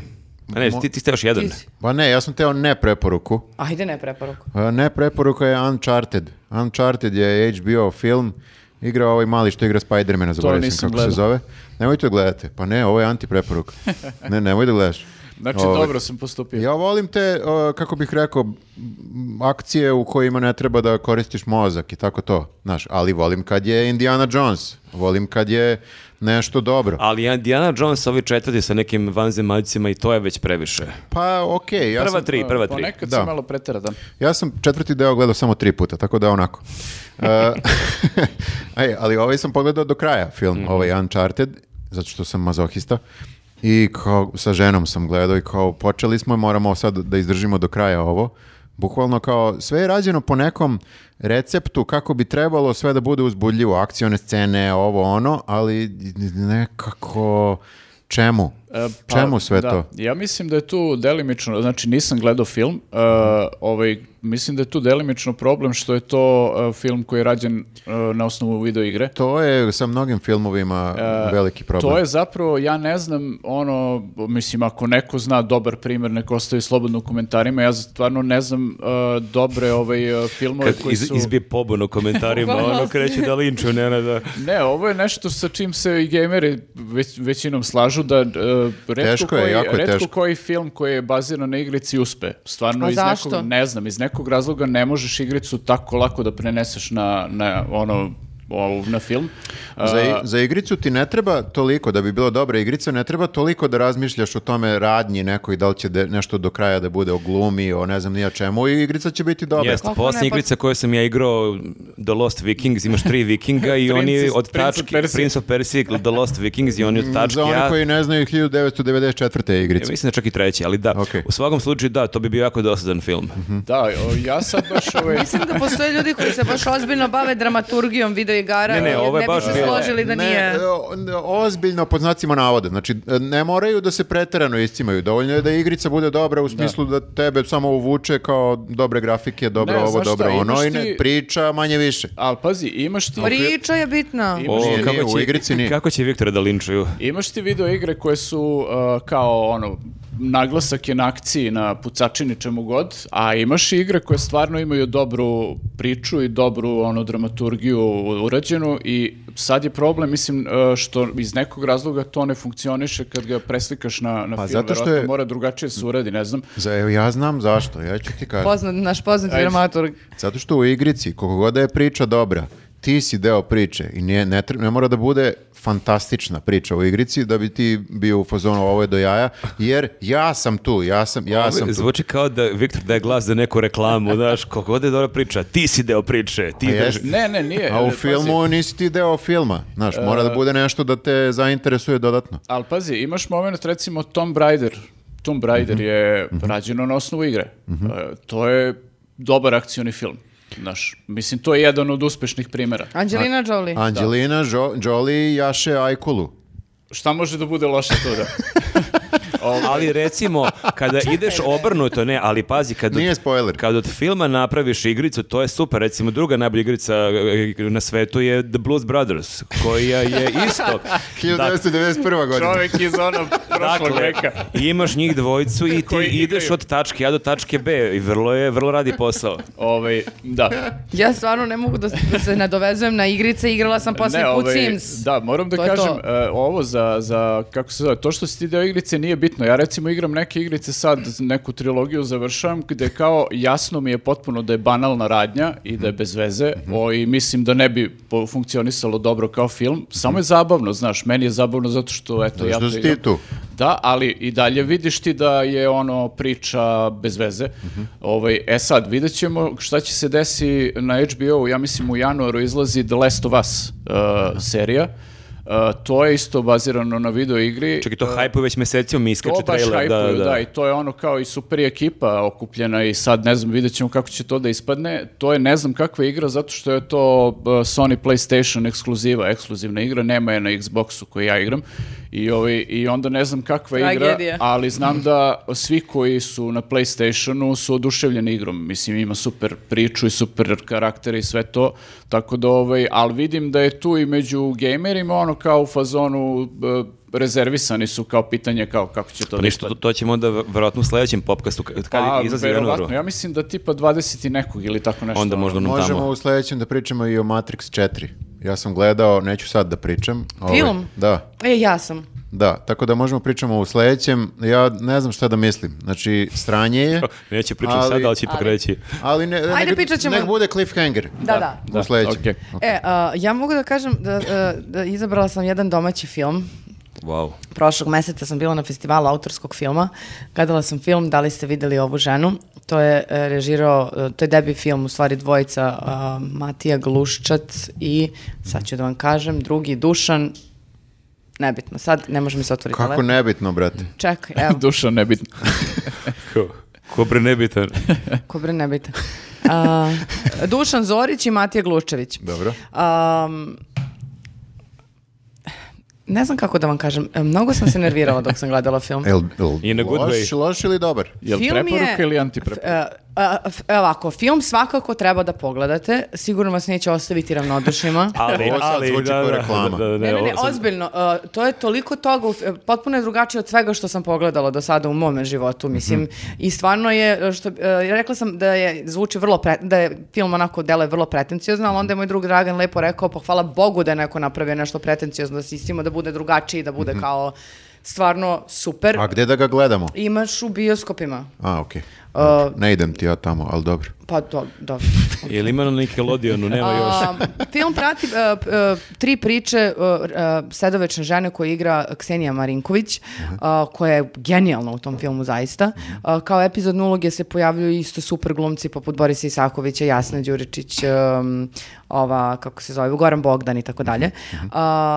Sve tri priče zatiču ženu u nekom potpuno uobičajenoj, recimo u uobičajenoj situaciji gde samo je nekako nevidljiva, gde radi, cima se, ali mhm. nekako niko ne obraća pažnju na nju. Kao ti u njuzu.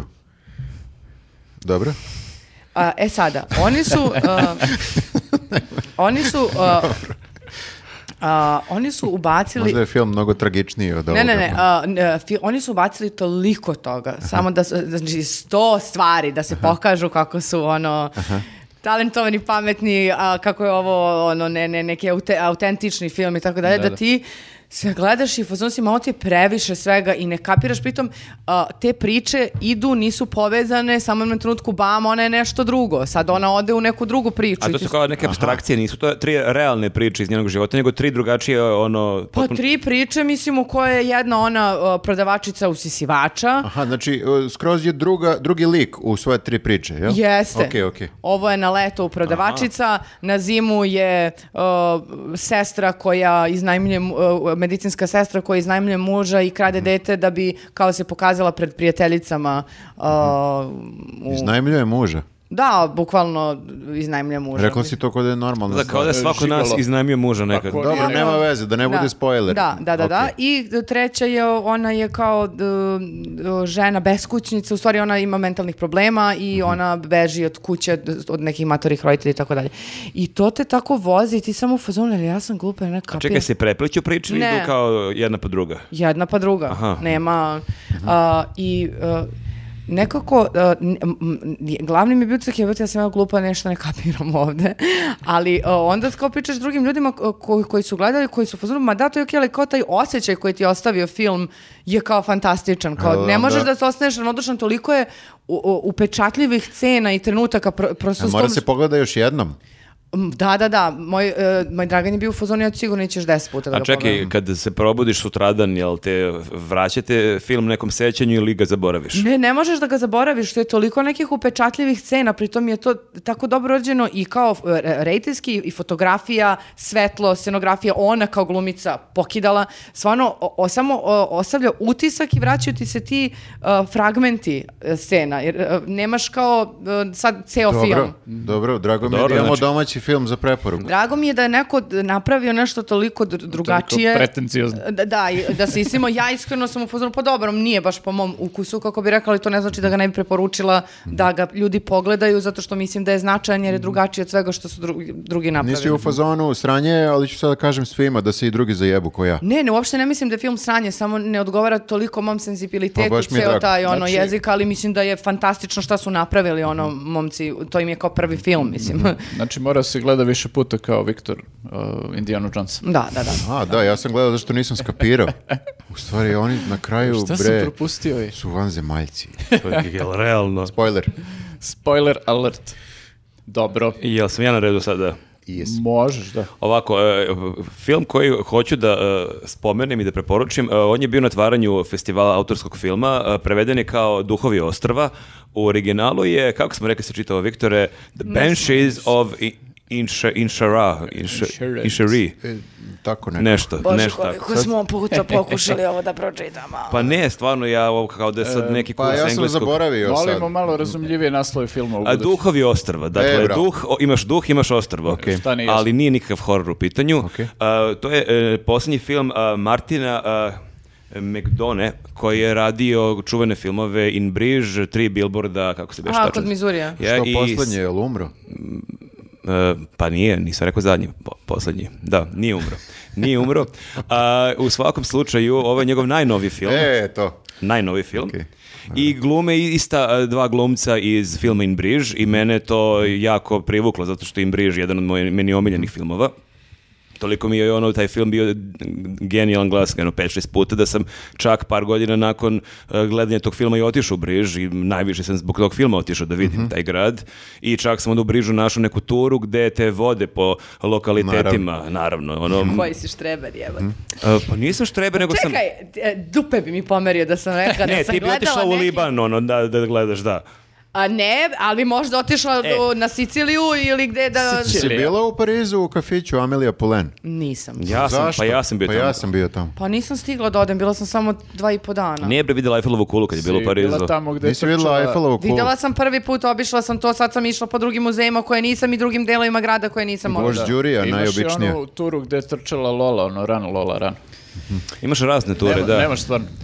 Imaš razne ture. Ne, samo hoću da vam kažem da sam rekla da sam obišla neku turu, ovde bi bila 15-15 minuta ti tirada. To, ali kad kažeš turu, nije sasvim ja preko neke agencije uplaćivao turu. Znači, bukvalno sam tad, sam sam putovao pre 10 godina i bio sam u hostelu i na vratima hostela je pisalo svakog on utorka, lik te vodi po gradu turom. To je tura. ja sam, ja sam bio u Tunisu, wow. u, u pećini gde se snimao engleski pacijent, gde ona žena Aha. A ti si beši na Malti bio u onom kafiću gde je ovaj e, pio. I, Oliver Reed, gde se ubio od pića. Gde je umro od, od alkohola. Umro od pića, Oliver Reed, u tom kafiću on sam izgled, bio. On iz gladijatora animatori. I ja sam isto popio, tamo nisam toliko kao da. on. E, ali kad smo kod toga, ja sam pronašla kafić, restoran u uh, Barceloni, tako što sam bila u Picasso muzeju i onda sam čitala neke opise uh, pored nekih slika i bilo je kao to su pravili u tom kafiću koja zove nešto tri mačke, dve mačke mm. i mhm. ja sam našla taj kafić, osjećala sam se baš da, da. ono, da. special. Zvaće vas ova dvojica za sledeći pretenciozni film. Da, mm -hmm. E, dakle, da se vratimo na mene.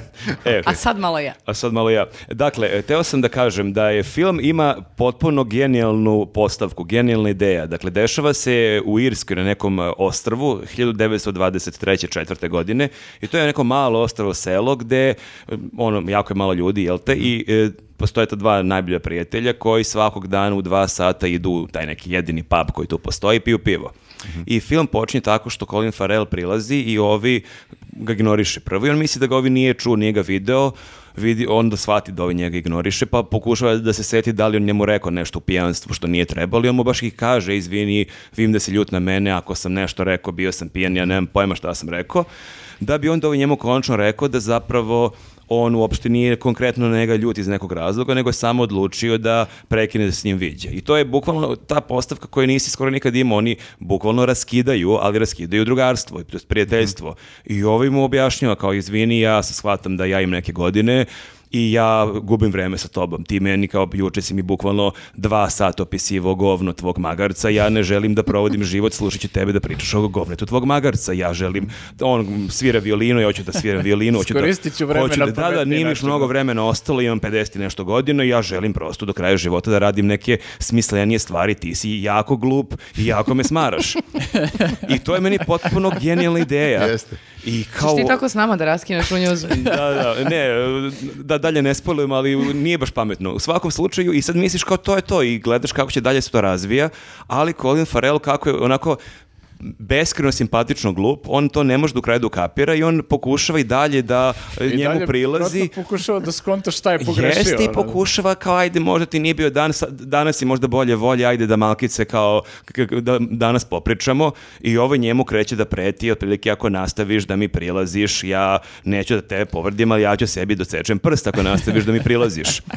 Tako da ceo film je potpuno genijalno zamišljen i prva polovina je kao in, in bridge, genijalni dijalozi, genijalan humor, pritom predivne je fotografija, kadrovi, stvarno sve to onako divno, ali sad da ne spojlujem, u drugoj polovini kreće malkice se menja i taj e, atmosfera i taj žanr i ja nekako nisam baš do kraja uspeo da ga ispratim na taj način, to jest da je ceo film kao ona prva polovina, verovatno bi mi on bih potpuno odlepio, ali vidim po e, kritikama, po komentarima da se ljudima film jako dopada, tako da u svakom slučaju pogledajte ga, ali Kako evo. sam shvatio, izvini, oni žive na tom ostrvu gde ne mogu da izbegnu jedan drugog. Ne drugu. mogu da izbegnu, oni to je bukvalno ima par kuća Aha. i jedan jedini pub Aha. i onda oni kad se kao posvađaju, oni Aha. dođu isti pub, ali ovi sedi za jednim stolom, ovi sedi za drugim stolom i onda Colin Farrell njega gleda onako ljubomorno, kao da kad gledaš ono bivšu deviku sa novim dečkom, znači on njega gleda sa nekim e, prijateljima s kojima sedi i kao njega ignoriše, pa onda mu on priđe, pa kao jel, tebi je on bolji prijatelj od mene, ovi kreten koji to i to radi. Tako da tu ima jako mnogo tih komičnih situacija, mada druga polovina baš nije bila u mom stilu. A šta, jel su kao... Post... Pa ne mogu sad da pričam. Neki zmajevi se pojavili. Jeste, došao je da, da. zmaj, onda ga ubio.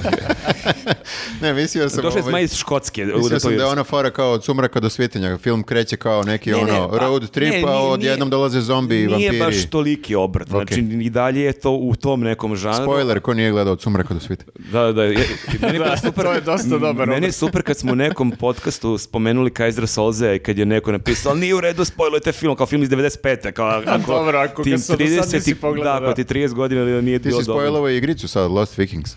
Jeste, jeste, ali... I Blues Brothers. I Blues Brothers. Tako da, eto, u svakom slučaju, ono, pogledajte film, stvarno vredi.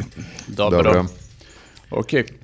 To su, to su filmovi, a? E, uh, da, okay. E, ja nisam gledao od filmova ništa posebno, pogledao sam ponovo ovaj, Vuka sa Wall Streeta, iz nekog razloga naletao na TV i kao, ok, aj se podsjetim ovog filma, ovaj, ali to verovatno svi znaju, ali ono što sam posljednje vreme uh, gledao i onako više sa fenomenološke strane, to su božićni filmovi na, na streaming servisima. O, Bože. Ti mene Šone bukvalno plašiš. E, ali ljudi, to je... Si toliko podvojnih ličnosti imaš u sebi. Dođe u džemperu kao ono neki ono irvas. Ali to je neverovatno, znači ja se, ja, um, ja se pitam sve vreme kao... Šta uh, mi je? nisam šta mi je, nego koliko košta da se napravi takav film i koliko košta scenariju, na primjer, za takav film, jer, jer la, jako, jako ga je lako napraviti, mm -hmm. znaš, ono, bukvalno ja mislim da ovi što pišu te scenarije, Uh, samo malo izrotiraju likove i promene ključne reči u, u svakom pa kao filmu. ljubavni romani koji se tako pišu na trafikama što Potpuno se prodaju. Nevjerojatno, a toga ima na, na ono svim, vidim sad i na Netflixu imaš celu kategoriju, samo ti a filmovi. A kaži Fox Life, jesi provalio tu? Ja sam tu Fox videla Life, celu da. noć svaki dan. Da, mm. i pritom imaš ono, ok, imaš ove neke koji e,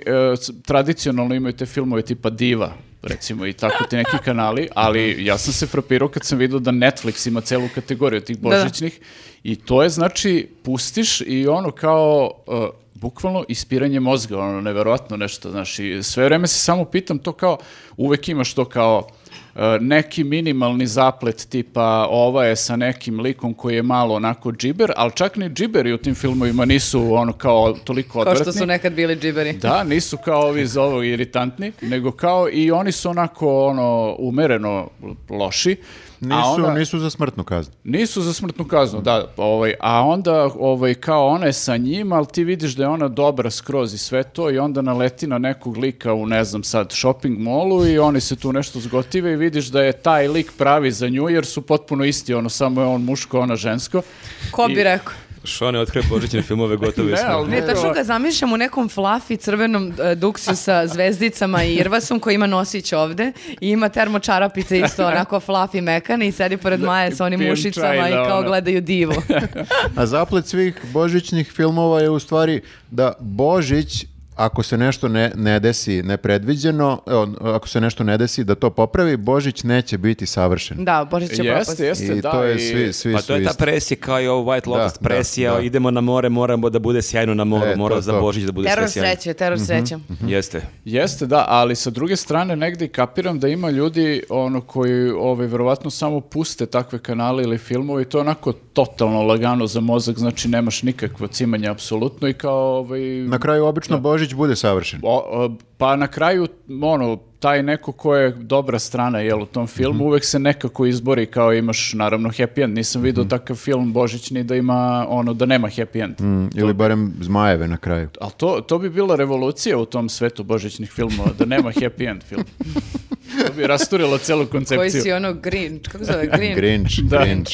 Bože, bože, ovo Tako baš da, eto, ovaj, to mi je bilo... A imaš neki ovaj, konkretan? Onako. E, e, pa, Kojih mislim, pet bi preporučio Ne znaš kako se zovu uopšte. Ne, svi su isti nazivi, znaš, ono A, kao... Christmas. Ovaj, da, e, Love during Christmas, lupam sad. Čekaj, Redi, ali ti stvarno on, imaš i razne streaming servise i kao verovatno skineš nekad neke filme. Sad Moguće, se pretplatio na novi I pretplatio si se na novi, dakle, mada sam se ja preplatio, ali nisam još ništa pogledao, ali ubedio me Nena da je to 3 evra do kraja života da je dobra investicija.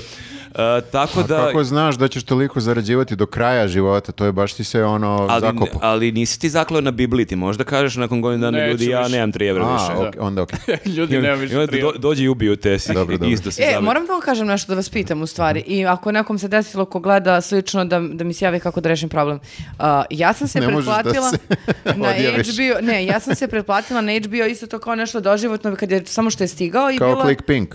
Mhm. bio nešto tipa promocije 4,5 e, evra, na primjer. Mm I onda e, u jednom trenutku je me odlogovali kao pretplatite se, pretplatite se. Ja non stop ukucavam one šifre mm i kao plaćam i počnem da gledam i onda mi stigne mail vaša pretplata je otkazana. Mm Em što se plašim da će me sad uhapsiti zato što kao bukvalno kradem serije sa HBO-a jer ja ne plaćam to sad, a sad više ne mogu ni da se ulogujem, razumeš? Možda su ti otključali zbog e, Božića. Ali ja ne, imam aplikaciju, ne kao SBB. Aha. Ok. Uh, Rešite mi problem, molim. Rešite mi problem, molim. Možeš da novi podcast pokreneš. Troubleshooting no. with Jelisaveta. Muzika! Muzika. Muzika. Ne znam šta mi se desilo, ne znam da li primećujete da ne, pri, ne, ne poštujem nešto mnogo strukturu i red koji smo imali do sada. Trebalo je knjige kako se dobro da. sećam. Jeste, ali sam ja nešto sad bilo u fazonu ajmo muziku, kao uvek muziku ostavimo kako za kraj, onda preletimo ljudi? I kao bilo sam u fazonu, da, pa da. ne. Tako da se izvinjavamo našim gledalcima koji očekuju sad u sledećem poglavlju knjige, ono muzika. Jeste, sve je instrumeno. Je li sajte bukvalno u fazonu kao šibicar, gde muzika, gde muzika nije I ovde, dobro, aj sad opravdaj ovo rušenje strukture, daj neku jako dobru muziku. Ajde. E, a, ja sam jako uzbuđena što ov, u ovoj epizodi možemo da pričamo o domaćim izvođačima i to čak tri domaći izvođača koji su u posljednje vreme ili bukvalno danas izbacili nove singlove mm -hmm. koji najavljuju njihove albume koji će izaći sledeće godine. To je nova srpska scena nova srpska scena. Čekaj, da to nije bilo već više puta. Imali smo pa, na svaki sva, par godina imamo pa novu... Pa svaki put to bude posle. Ovo je nova, nova. Da. Najnovija. Ovo je mhm. najnovija. Mm -hmm. A, krenula bih od uh, Ive Lorenz, na primjer. Mm -hmm. Ona je mm -hmm. danas baš izbacila spot za pesmu Hej, uh, nisi više isti. Da, mhm. mislim da se tako zove. I potpuno je drugačija pesma od onoga što smo navikli od Ive. Ali i potpuno je, drug... iako nisam gledao još uvek spot, ali koliko čujem, potpuno je i spot drugačiji od svih prethodnih, jer je u njemu, ko, ko je bre u tom spotu? Ne, nisam ja, ovo je spot gde je samo Iva, ja sam a, ti u sledećem, ja sam u sledećem, ali e, to ćemo... O... Spoiler. Spoiler, to ćemo kad bude bilo, kad bude izašao spot, ja mislim u februaru. Mm -hmm. O, ja sam mislio Da. Dogod, dogodine u videu. Dogodine u, u Ivinom spotu, a u ovom spotu je Iva sama. Uh, pesma je onako jako nežna, dirljiva balada. Uh, spremite se da plačete. Tako je najviše uh, volim. Čak i ona plače i izgleda pritom kao pre seksi ono Jessica Rabbit, uh, baš je ono dobra i fotografija je dobra i nekako je sve vrlo svedeno, ona je sve vreme tu sama, svetlo je predivno. Seksi Jessica Rabbit je pleonazam. Jeste, ali morala sam tako da kažem. Okay. Da, jako mi, e, jako mi svidela ta pesma, njen album izlazi početkom marta i baš se radujem. I super mi je što smo pričali u, pred, u prvom, na primjer, popkastu kako uh, izvođači sve više izbacuju samo singlove, ne izbacuju albume i evo našeg uticaja na delu. smo ih pogurali. Ja, da, njen prvi album je, koliko mi se čini, on ima samo neki singlovi ili imala e, već neki Imala album? je neki album pre, ja mislim na engleskom, ispravi me sada ako, mhm. ako grešim. Ne, ne, ne, mislim da ne grešiš. Ove, imala je na engleskom, što mi je drago da se vratila srpskom jeziku, mhm. jer kao ne možeš odmah kao debi album da ti bude na engleskom. Ma je okej da razumemo bre reči. Moraš da osvojiš prvo domaća srca publike ovde u, ne samo u Srbiji, nego u regionu, pa tek onda da guraš e, mhm. dalje. Da. Mada je ponovo sad napravila, i to mi se i svidelo, Ovu jednu pesmu je napravila i na srpskom i na engleskom od 2 do 4, mm -hmm. ja mhm. mislim da se zove. I, uh, ok, bolje mi zvuči na srpskom, mm -hmm ali mi je okej okay na, i na engleskom. Mm. To je radila sa Jason Derulo. Mm, to je u da. okviru, da. na primjer, na neki, neki saradnja, mislim, sa tu, Tuborgom, na primjer, s kim? Pa ne znam sad, nemam pojma. Ne, nema veze. Ne Svakako, znam. drago mi je da je nekako iskoračila, da, da je napravila korak dalje u, u svom stvaralaštvu i da je napravila nešto potpuno drugačije od... Kakav, je, kakav ti je ovo, ovaj eh, vokabular koji koristiš? Stvaralaštvo. Korak dalje u svom stvaralaštvu. Šta, Šta je tu loše? Pa moraš da kažeš normalnim e, je ovo RTS Trezor? Da. Ali mora... pusti sad to, daj bre, zaintrigira ljude. K kakav je taj spot? Ja sad treba čekam o, i naši gledalci do februara. Ja sam, ti si rekla da taj spot izlazi ovih dana. Ne. ne možemo da pričamo i u sledećoj epizodi o Ivi da. Lorenz. Moramo sad da sve... Ne ka... mogu da spojlujem ženi spot, čoveče, ništa nije ni krenulo Čekaj, kako dakle... Ti si, pa- ti si ubica. Ma dobro, šta realno može da bude? Spot? Koja še zmaja? A, ne, ne, ne, ne jašemo zmajeve, ali a, pojavljuju se neke a, e, divne žene u spotu i ja sam baš srećna i počasovana što sam deo te priče i a, e, neću da pričam dalje o tome, ne, hoću ne. da iznese iznenade ljudi. Ma, ali okačila si fotografije. Okačila sam fotografije, jednu crno-belu, ništa sam nisam otkrila. ništa se ne vidi. ok, dobro, dobro. Ali da se vratimo na pesmu koja je aktualna, znači a, pogledajte. Ja sam isto slušao i super mi je. Mm. I ova nova, nisam plakao jebi ga, ja ne, pla, ne plačem na, na pesme, redko kad plačem. Uh, jedino na ovu Marta od Toma Vejca, ali okej. Okay. Ti plačeš Indiana Jones. Kao, već je gotov, kad će peti deo? Super je pesma, drago mi je da se vratio taj neki Pa ne znam nije kako, š, koji je to žanr? Pop. Pa pop. pop. Ja bih rekao pop. A kad kažeš pop, znaš šta pop. ti je sve Širok pop? Širok pojem. Da, i, Ali baš da, dobar da. pop. I, i Goca Tržan je, neć, znači, Ali, ne, neko će da. reći da. Će da je pop. Da, Modern, da, Goca Tržan je bila pop. Mhm. Moderni, da. savremeni pop. Mm -hmm, mm. -hmm. Sa primesama nekog tu R&B, nešto ono što su nekad K2 bile. Mm -hmm. Da sam se ja vratio kod ti u 90 i neku godinu. Ali ne, ne, K2 su 90... To je najbliža referenca koju ima. Ovo je 96. 7. K2, ja sam išao 92. 3. Ali ja sam morao da se vratim na K2, jer mi nemamo taj žanr na srpskom. Ili ja, ili grešim? Pa sad ga imamo. Pa, pa to ti kažem, da, da. znaš koji je period prošao od K2 do danas? Samo između Ana Stanića. Pa šta je između Ana Stanić? Ana Stanić je isto kad i K2. Jeste, to je ista generacija. I, e, ogromna jedna rupčaga koja, koja nema popa. E, bila je ona nekte 2008. 9. 10. Oni super talas je bio kad se pojavila zemlja gruva, svi na pod, e, izdrži ribice. Jeste, Bilo tu da, nekih... Da, tačno. To okay, je ali... delovalo kao da će biti početak nečeg jako krupnog i onda je to zamrlo jako brzo. To je nova srpska scena. Pa to je bila neka. to je bila, da. ok, dobro. Yes. Ali vidiš kao, možeš da, se, možeš da se prisetiš kao, a da, bilo je to. Znači, nemamo ga kao da ti znaš kao tu postoje sad svi, svi ono kao godinama već kao i to se builduje i sad pa, kao... Da, ali iz nekog razloga se taj uh, pop tog tipa slabo prima kod Ne prima se. Ne prima se iz nekog razloga, ne znam zašto, či, vidjet ćemo da će to se promeni, ko zna, ali u poslednjih ono x decenija nije baš ovaj... I drago mi je, znaš, zašto, znaš zašto mi je drago, sad ćemo da pričamo i o, i o drugoj jednoj umetnici koja je izbacila ovaj, uh, svoj singl. Drago mi je da se pomerilo od, od onoga da ti čim čuješ početke pesme odma znaš da je neki IDJ, odma znaš da je, jer toga ima koliko hoćeš mm. i to je toliko dosadno, ko božićni filmovi, znači sve mm. na yes, isti, sve na isti kalup i kao ovo je isto pop, mm. ali vidiš da je nešto... Da. Neku... Drugačije nekako e, je, autentično to. je u odnosu na, na, na, na, na more nekih e, e, stvaralaca. Da, Cobi, jesi ti radio i Božićni film? e, Cobi je, Cobi je radio Cobi. ovu sledeću pesmu, Cobi zna i da napravi pesmu, e, da, ali da nećemo tako. Ne, čuje se na početku pesme. Čuje se. Čuje ne, se. Ne, za ovu sledeću što ćemo za da Bojanu da. Vunturišić. Da, da, se tu čuje, čuje, ja čuje da. Se, da. Onda ja to nisam čuo. Baš e, srećni dani za, za, za ljude poput mene, jer ja sam stvarno veliki fan jedne i druge uh, Mm-hmm. E, e, a Bojanu isto jako volim i kad sam mm-hmm. danas, u stvari pre neki dan sam samo videla e, vizual da je objavila na, na Instagramu i bila sam yes! I pesma mi se stvarno svi, svidela, onako vrlo ti brzo uđe u, u, u glavu ritam.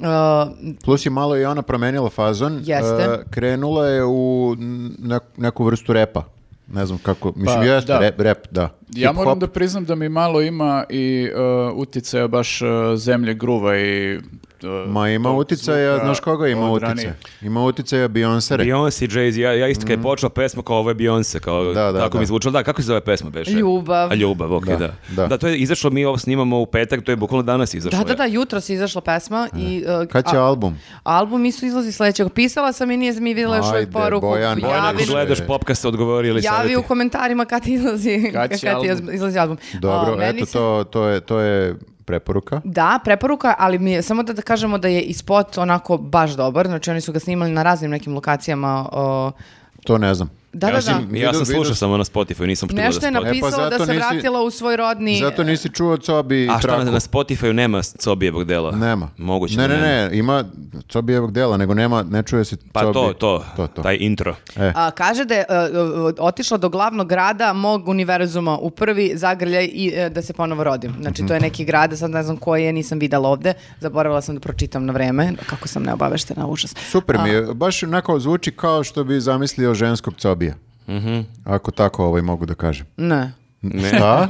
ne, pa, pa da. osjeća se cobi, ali ne, ne pa, preterano uh, e. da ode u narodnjak. Pa mešavina cobija i Jay-Z-a na Balkanu. Ono. Ali bre, baš kao da, liči na nju. Ba, da- ba, da- ba, znači nije mi kao... Cobi.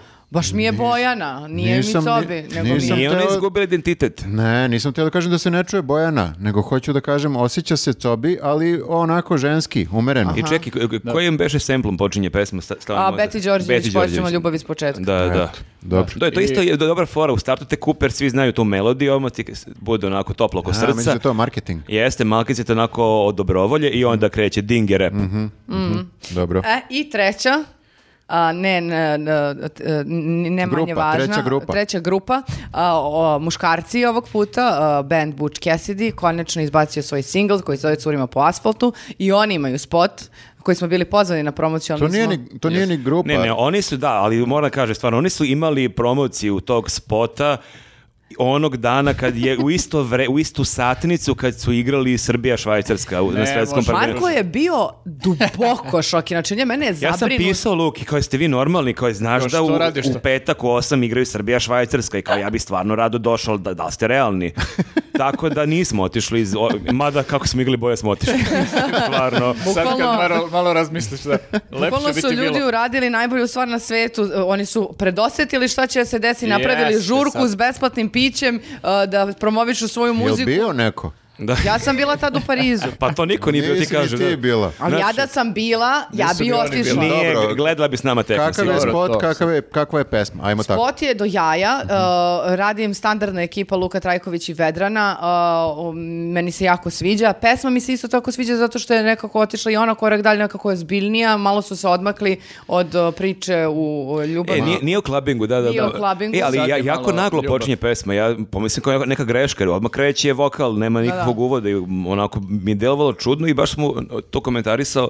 Meni nije na prvo slušanje bila, čak možda ni na drugo, ali od trećeg mi je baš onako lepo da, izvozala. Da, da, da, meni je na 78. slušanje super, ono, od kad Maja ovaj, ispira tom pesmu po ceo dan. Ali ti je puštaš Božiće, ti puštaš Božiće filmove, ne na dev... Bože, Bože, da, ona, vi ćete da se pokoljete jedan dan. Ona se toliko ono. naložila na tu pesmu da je sluša ono non stop, tako da ovaj, super je stvar. Mislim, catchy je i imate mhm. mm -hmm. dobre stihove koje onako zapamtiš, mislim, Mislim, to se meni sviđa kod njih što kao otprilike bukvalno rečenice koje izgovaraš u životu, oni naprave mm -hmm. stihove od toga i lako ih zapamtiš, tako da ovaj... Možeš da se prepoznaš vrlo spot, lako. Spot, da, spot sam gledao, ali nisam ga nešto ni upamtio toliko, ali zato pesmu, ono, baš sam zapamtio. Da, ja mislim da je spot uh, rađen s film, snimljen uh, filmskom trakom, kao što je sad kao postoje standard u njihovim uh, spotovima, kako što, wow, brate, to jeste do jaja, ono, ko može još da se pohvali time, da nekako baš ima jedan ozbiljan umetnički aspekt mm -hmm. i sam spot, koncerata, a i muzika koju stvari, to mi je baš do jaja nekako. I, o, meni je okej okay što su nekako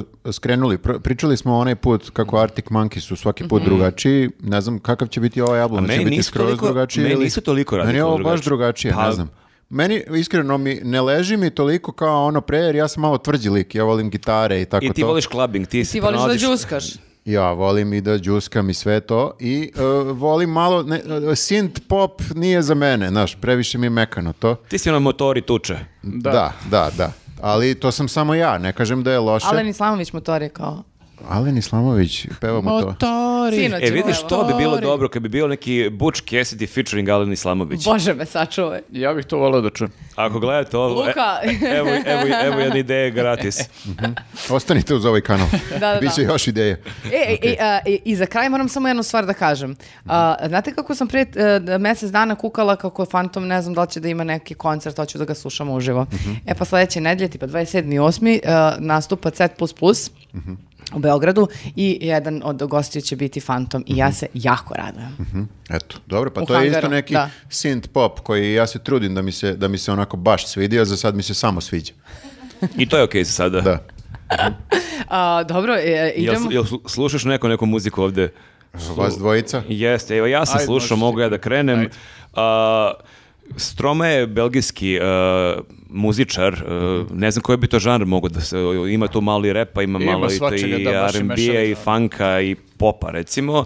On je objavio album posle nekoliko godina pauze i ja sam jako srećen jer nekako ja, jako sam volao njegov prošli album i to vreme sam ga dosta slušao i on je nekako, to je meni isto negde emotivno jer e, tad mi se rodila starija čerka baš i mhm. to je prve dane su obeležili ono, jedan album Lily Allen sam slušao, drugi album je bio njegov.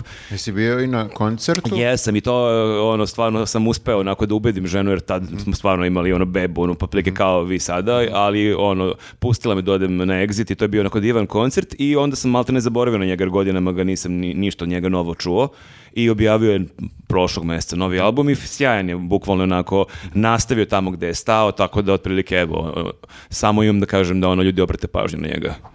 Dobro. A, kad završiš gledanje božićnih filmova, šta ti smo, slušaš? Kad smo već kod belgijskih da, izvođača. Da, osim gomile božićnih filmova u poslednjih ono, ne znam koliko, ovaj, mesec dana, da, mislim da je taj singl izašao malo ovaj, nakon našeg prethodnog podcasta, pa nisam pričao o njemu, uh, Metallica izbacila novu pesmu. A, e, slavi da. Srbijo, slavi da, svete. Ovaj, ja to nisam vidio. Kako ne znaš, pa komentari nismo, nismo Ti nisi vidio Nenadov najsođi status na svetu kad je objavio taj da, single. Da, da, baš sam prokomentarisao. Halo ovaj. metal policija. Pa verovatno sam bio u pelenama. Možda si bio zauzet, mm. da, tih dana. Da, možda to nije baš neka uspavanka, možda nema baš ono u kući to glasno da slušaš, ali da, stvarno, dobra je pesma. Pesma, da, zove se Lux Eterna pesma i na, bit će na njihovom albumu koji treba da izađu u aprilu, čini mi se, sledeće godine, ovaj, 72 Seasons se zove album i uh, koncept je otprilike da, mislim, tih, uh, taj broj 72 se odnosi na, uh, zapravo to je 18 godina, kao 72 puta četiri doba. To je mhm, kao 18 mhm. godina i zapravo oni pričaju o tom periodu nekom u kojem se formiraš kao ličnost na bilo koji način ovaj, nisu baš elaborirali previše taj koncept, ali to je kao neka priča. Mm -hmm. I na omotu će biti neka kolevka sa nekim još detaljima i ta neka onako jaka žuta boja im je kao sad light motiv cele kampanje. Ovaj, I uh, ova pesma prva koju su izba, izbacili je bukvalno ono kao uh, Kill Em All uh, fazon samo sa boljom produkcijom. Ono, baš su se vratili tom nekom izvornom zvuku, mislim, ne znam kakav će ostatak albuma da bude, ali prilično onako treši pesma. E, a reci mi, ja imam dilemu, pošto mnogi pričaju kako Lars Urlih već godinama ne može da postigne onu brzinu u nekim pesmama kao što je nekada mogao, hoće on ovo moći da svira, jer dosta je jak ritam. Pa jeste, da, mislim i on je ovaj imao, mislim, nedavno jedan klip gde je kao svirao baš taj deo, tako da mislim da ovo i dalje nije toliko, znaš, ono, zahtevno za njega, ovaj, mada ipak Znaš, treba imati u vidu i da su oni u godinama, tako da ovaj, negde vidjet ćemo dokle će moći, znaš, ipak je to malo ekstremnija muzika, a oni nisu otišli ono kao, ne sviraju sad, na primer, load i reload, pa da su ušli u neke laganije vode, nego sad su se vratili baš onako žestokom zvuku ponovo, tako da ne znam dokle će moći tako da, da izdrža, ovaj, morat će mm. malo da, da treniraju više, verovatno ovaj, ili da se raspadnu ko Slayer, ono, kao u jednom trenutku kad skapiraju da ne mogu više tako da sviraju.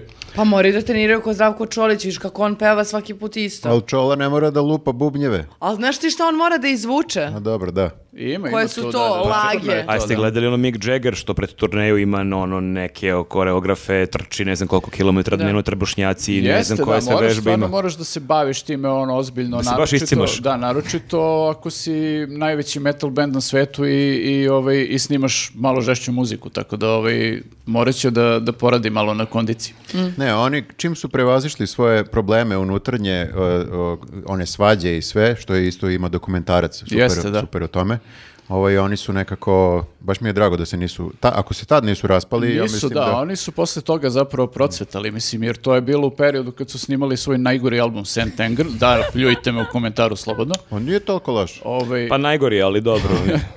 Pa dobro, ali da. produkcija je katastrofa, Jeste, nekak, ono, čuješ taj... kantu neko sve vreme. Ali oni su namerno napravili kantu baš zato da bi zvučali kao 20 godina ranije kad se kao navodno se čula lup, kanta, kanta, ali ni, nije se čula nije tako kanta. Nije to ta to je kanta, problem. da, mislim, čak i da se vratiš ti unazad na te... Ne kante nisu kao što, što su nekad Ne može ta kanta da zvuči. ti možeš, često se desi da ljudi naprave, naročito ti neki ovaj, istripovani da naprave preteranu produkciju. Mislim, naj, ono, najklasičniji primjer je Axl Rose i njegova Chinese Democracy koji je ispao na kraju naj, mislim, bez veze A, albuma. A ga 15 godina. 15 godina produkcije i umeđu vremenu, ko zna koliko puta je on jednu te istu pesmu ono, mm. prepravljao i napravio na kraju čudovište neko koje ničemu ne, ne Jeste, da, sad to je, znaš, pitanje, ovaj, imaš i neke bendove koji, ono, Eh, se vrate malo tim korenima i u produkcijskom smislu, pa to hoće da zvuče onako sirovo. Znači kao ovo sad nije kanta, a? Ovo nije kanta, ovo je slična produkcija, koliko sam mogao da primetim, kao na prethodnom albumu, onom Hardwiredu, i mm -hmm. meni se to sviđa, ta produkcija je dobra, ono, ja volim, mislim, sve zavisi od benda, ali kod Metalike, recimo, volim da zvuči čisto i jasno, ono.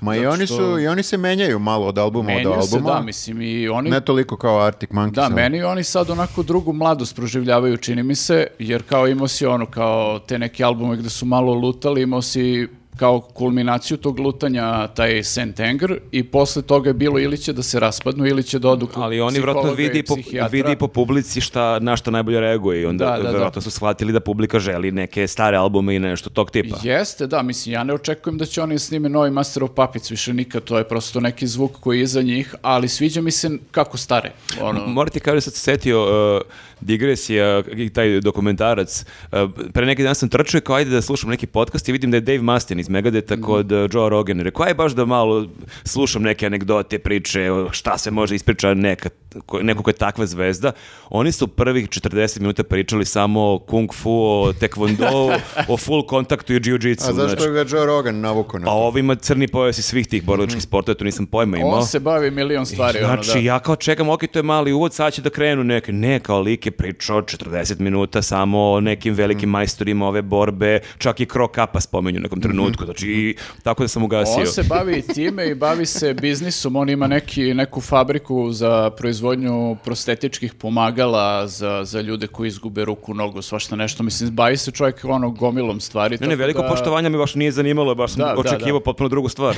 da, da, kao da pričaju kako je Metallica izbacila. Pa to je ovaj. u svemu, u svemu dobar, svemu tome da bude u Metalici. To je... Da, kida sve ostale Pa stvari. dobro, pazi, on je ono izbačen iz Metalike i e, napravio je band koji je zajedno sa Metalikom u top uh, toj Big Four uh, trash metala. To je jedini uradio još e, Bajaga kad izaš iz čorbe. Da, tako je, ja sam i napisao još Dejan da Cukić da je, i probal nije uspeo. Da, on je Bajaga uh, metala. Ja nisam nikad, ja sam baš onako najklasičniji, znači od Big Four ja samo, samo mi je Metallica nekako. Nisam ja toliko nikad bio u, u, u metal. Pa dobro, da, mislim nije to sad ovaj, naš, Metallica je kao tu ono najveće ime i naj, jedan od najvećih bendova generalno i kao negde su svi došli u dodir sa njom pre ili kasnije, a ovamo imaš, znaš, Slayer, Anthrax i, i Megadeth koji su opet nekako nisu iskočili iz tih granica metala na taj način kao što je Metallica. Ja sam da... detetu kupio već majicu Metallica i da, ona će doći da do video. Ali ovaj. zato što je Metallica umela da ubode čak i te balade. To je bila priča kako yes, si 90-ih da. morao, ako želiš da dođeš do nekog novog kruga fanova, pogotovo u devojaka, da imaš to neki. Od ono, Wind of Change do Don't Cry do, ne znam, Unforg uh, eh, Unforgiven, da. Mm e, tako i Nothing Else Matters, tako da možda je to bila greška što nisu ovi ostali imali. Pa, A, sad dobro, ćemo da vidimo su... je li ima na ovom albumu albumu balada, neka Vidjet power ćemo, da. balad. na prethodnom su imali onako takve neke da. pesme, malo laganije, ali koje udaraju, ali ovaj, ovaj vidjet ćemo na novom, tako da ovi, da, znači Metallica, novi singl i slušao sam besomučno u posljednjih mjesec dana neki album koji je izašao letos, čini mi se, opet Belgijanci, samo malo drugačija priča. Uh, zove se band Brutus i objavili su album uh, koji se zove Unision Life. I to je band koji je uh, ajde da kažemo, mislim, ono, sad je u nekom post-rock fazonu, samo malo brže i malo dinamičnije nego što bi zamislio neki klasičan post-rock band. Imaju, post imaju vokal. imaju vokale, za razliku od dosta post-rock bendova koji nemaju. Ovaj, uglavnom, e, super je album zato što imaju e, pevačicu koja ima jako zanimljiv glas i ona je istovremeno i bubnjarka u bendu. I uh, cela ta kombinacija ono, ovaj, tog nekog zvuka koji prave i, i njenog vokala je fantastičan potpuno. Mislim, bukvalno ne znam sad kako bih opisao, to prosto je najbolje da se, da se čuje. I imaju od tih nekih potpuno onako laganih pesama koje bi mogo da čuješ i neki, ovaj, kod nekih uh, potpuno indie bendova koji nemaju veze sa metalom, ovo je kao onako marginalno je metal band, ali bukvalno može da prođe i kod ljudi koji ne slušaju metal. Meni je jako zanimljivo kod tebe što ti jako lepo pričaš o muzici, jako lepo pišeš status o muzici, jako e, ljudskim rečnikom, jako me lepo zainteresuješ. Ja budem fazonu, da, ovo je baš, ima smisla, aj baš da pustim. I onda kao, jebote šta je ovo? Mm, koji si realan čoveče. Ono. Dosta puta se ne ovim preporuka. Da, da, tako da ja često bih ostao na tvojim tekstovima kao, evo ti like, samo da ne moram da puštam. Ja uvek pročitam njegove statuse Jeste, i ja... lajkujem i prokomentarišem uživo, ali nikad ne kliknem da pustim to što e, e, ovo, ovo, stvarno, ovo stvarno pustite jer nije nešto što je uh, agresivno u tom smislu, nije kao metal metal, stvarno Aha. imaju pesme koje mislim možete i recimo vi da slušate. Uh mhm. -huh. Ajde, da to Evo ovako, ajmo test. Uh, znači, poslaćeš mi jednu pesmu, sa to, znači neću da istražujem ja da se tamo stresiram, znači jednu pesmu, uh, jednu pesmu koju smatraš da je nežna i za koju smatraš da me ne bi nasekirala, da ja čujem. I onda ću bira pesma. Pa mislim, znaš ti šta sluša, bre, ono, ono vrištanje, ono, ono ne katastrofa. Ne, ne, nema, stvarno ima devojka jako lep glas i, i lepo je produkcija urađena, uh, nekako ovaj, nije čak ni njen glas u tom nekom prvom, uh, u u prvom planu kao što često bude kod vokala i onda još malo dobiješ na celoj atmosferi jer kapiram da su snimali verovatno ovaj zvuči mi album kao da su ga snimali ono ušli u studio i snimili svoju probu tako deluje I onda imaš malo taj glas koji je uvučen u pozadinu i onako baš e, daje dobar šmek. Jesi probao nekad da možda pustiš neki božićni film na Hallmarku, a da utišaš i da onda pustiš neku tu tvoju muziku? Da to, bi, se to je bio dobar, dobar e, spoj. E, nisam, ali sam, čitao sam često neke ono knjige za koje se ispostaje da su tako neka ono boza i bez veze, a slušam neku muziku koja je potpuno oprična. To onda kompenzuje to što da. knjiga nema, onda to nije Jeste, loše. da. Da, može da pojača zapravo ceo doživlje dok čitaš takvu knjigu. Pa da, ali ja potpuno zamišljam da primjer, Nenad dok tako ide ulicom sa slušalicom ima tu neku facicu kao polo nasmenu i kao tem tem, tem da hoda, a unutra go kill, kill, kill, kill. Destroy. Da, Satan. da, da, da, uopšte kao ne, nema na njegovoj ekspresiji da, da, uopšte Ula, toga. Ulazi u pekaru, dobar dan, daćete mi da, burek, da, prijetno, kill, kill, genocide. Pa dobro, ali ljudi, objavljena je ona studija gde su kao istraživali baš to i kao da... Metalci su najbolji ljudi, je to? Ne, da su najbolji ljudi, nego kao ovaj, da dosta zapravo s, E, stresa izbaciš i oslobodiš mm -hmm. se i često budu kao totalno ovako, inače pozitivni ljudi, da tako kažem. Ma da, ti se bre ova plaćenje pozitive pa kod da. nas, mislim. ja, Dobro, što ne normala. Ja kad Dobro, ne, ja, snimam ali... E, podcast ovom, ja ne znam gde ću od optimizma i ono, radosti. Ne konkretno ja, ali... Ovaj, da, uglavnom, ume to baš da rastereti ono stresa, eto to ono, iz svog iskustva mogu tebi da kažem. Je, tebi je muzika i Facebook statusi tvoji i, i e, komentari tvoji. Pa ajde, Facebook. tako da, e, da. Face sad, ono, baš e, u posljednje vreme slabo. Mhm. Mm Zato što zen, sam, zen, u zen da. fazi pa si. Pa prošla je pa, e, da priča de, oko vakcina i Mislim da ima veze pa... sa tim što sam blokirao gomilu ljudi u posljednje vreme. Gomilu mentola. To, to, ti nije loše. A, ti, Viktor, si slušao nešto osim nekih uspavanki? Ne, ne, nisam, nisam. Ja sam uh, pričao isto Zajedno o ovome.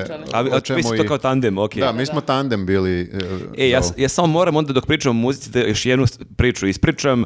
Bukvalno danas kad sam išao da uzem ovi Dux Conversov, uh, vidim prodaju se ploče, neki štand i vidim kao neko je 20% popusta, rekao ja baš da vidim šta ima od ploča, ja tu priđem i pri, moma koji radi kao ej, Newsnet baci pet i tu krenemo da pričamo, dečko jako voli naš podcast i naš sajt i tu malo nešto pričamo o tome, o filmovi serije, ja mu baš kažem da danas snimamo popkast i ja odaberem ove, ovu ploču Black Kiza, i ja da izvodim pare i on kaže ne, kao dozvoli, molim te, ja hoću da te častim i ja pokušao da ga ubedim da me ne časti, ali on je insistirao, tako da hoću da mu se javno zahvalim, e, Nikola se zove ili ti Johnny, Uh, to Nikola, nije uopšte, nije uopšte jeftin. Nije uopšte jeftino, stvarno. I pritom, uh, jako mi je ovde negde, ovo mi ima i neku emotivnu vrednost, osim tog uh, razgovora, i njegovog gesta i na vas me ovaj album podsjeća. Ja ne znam koliko se sećate, ovaj album je izašao 2019. godine.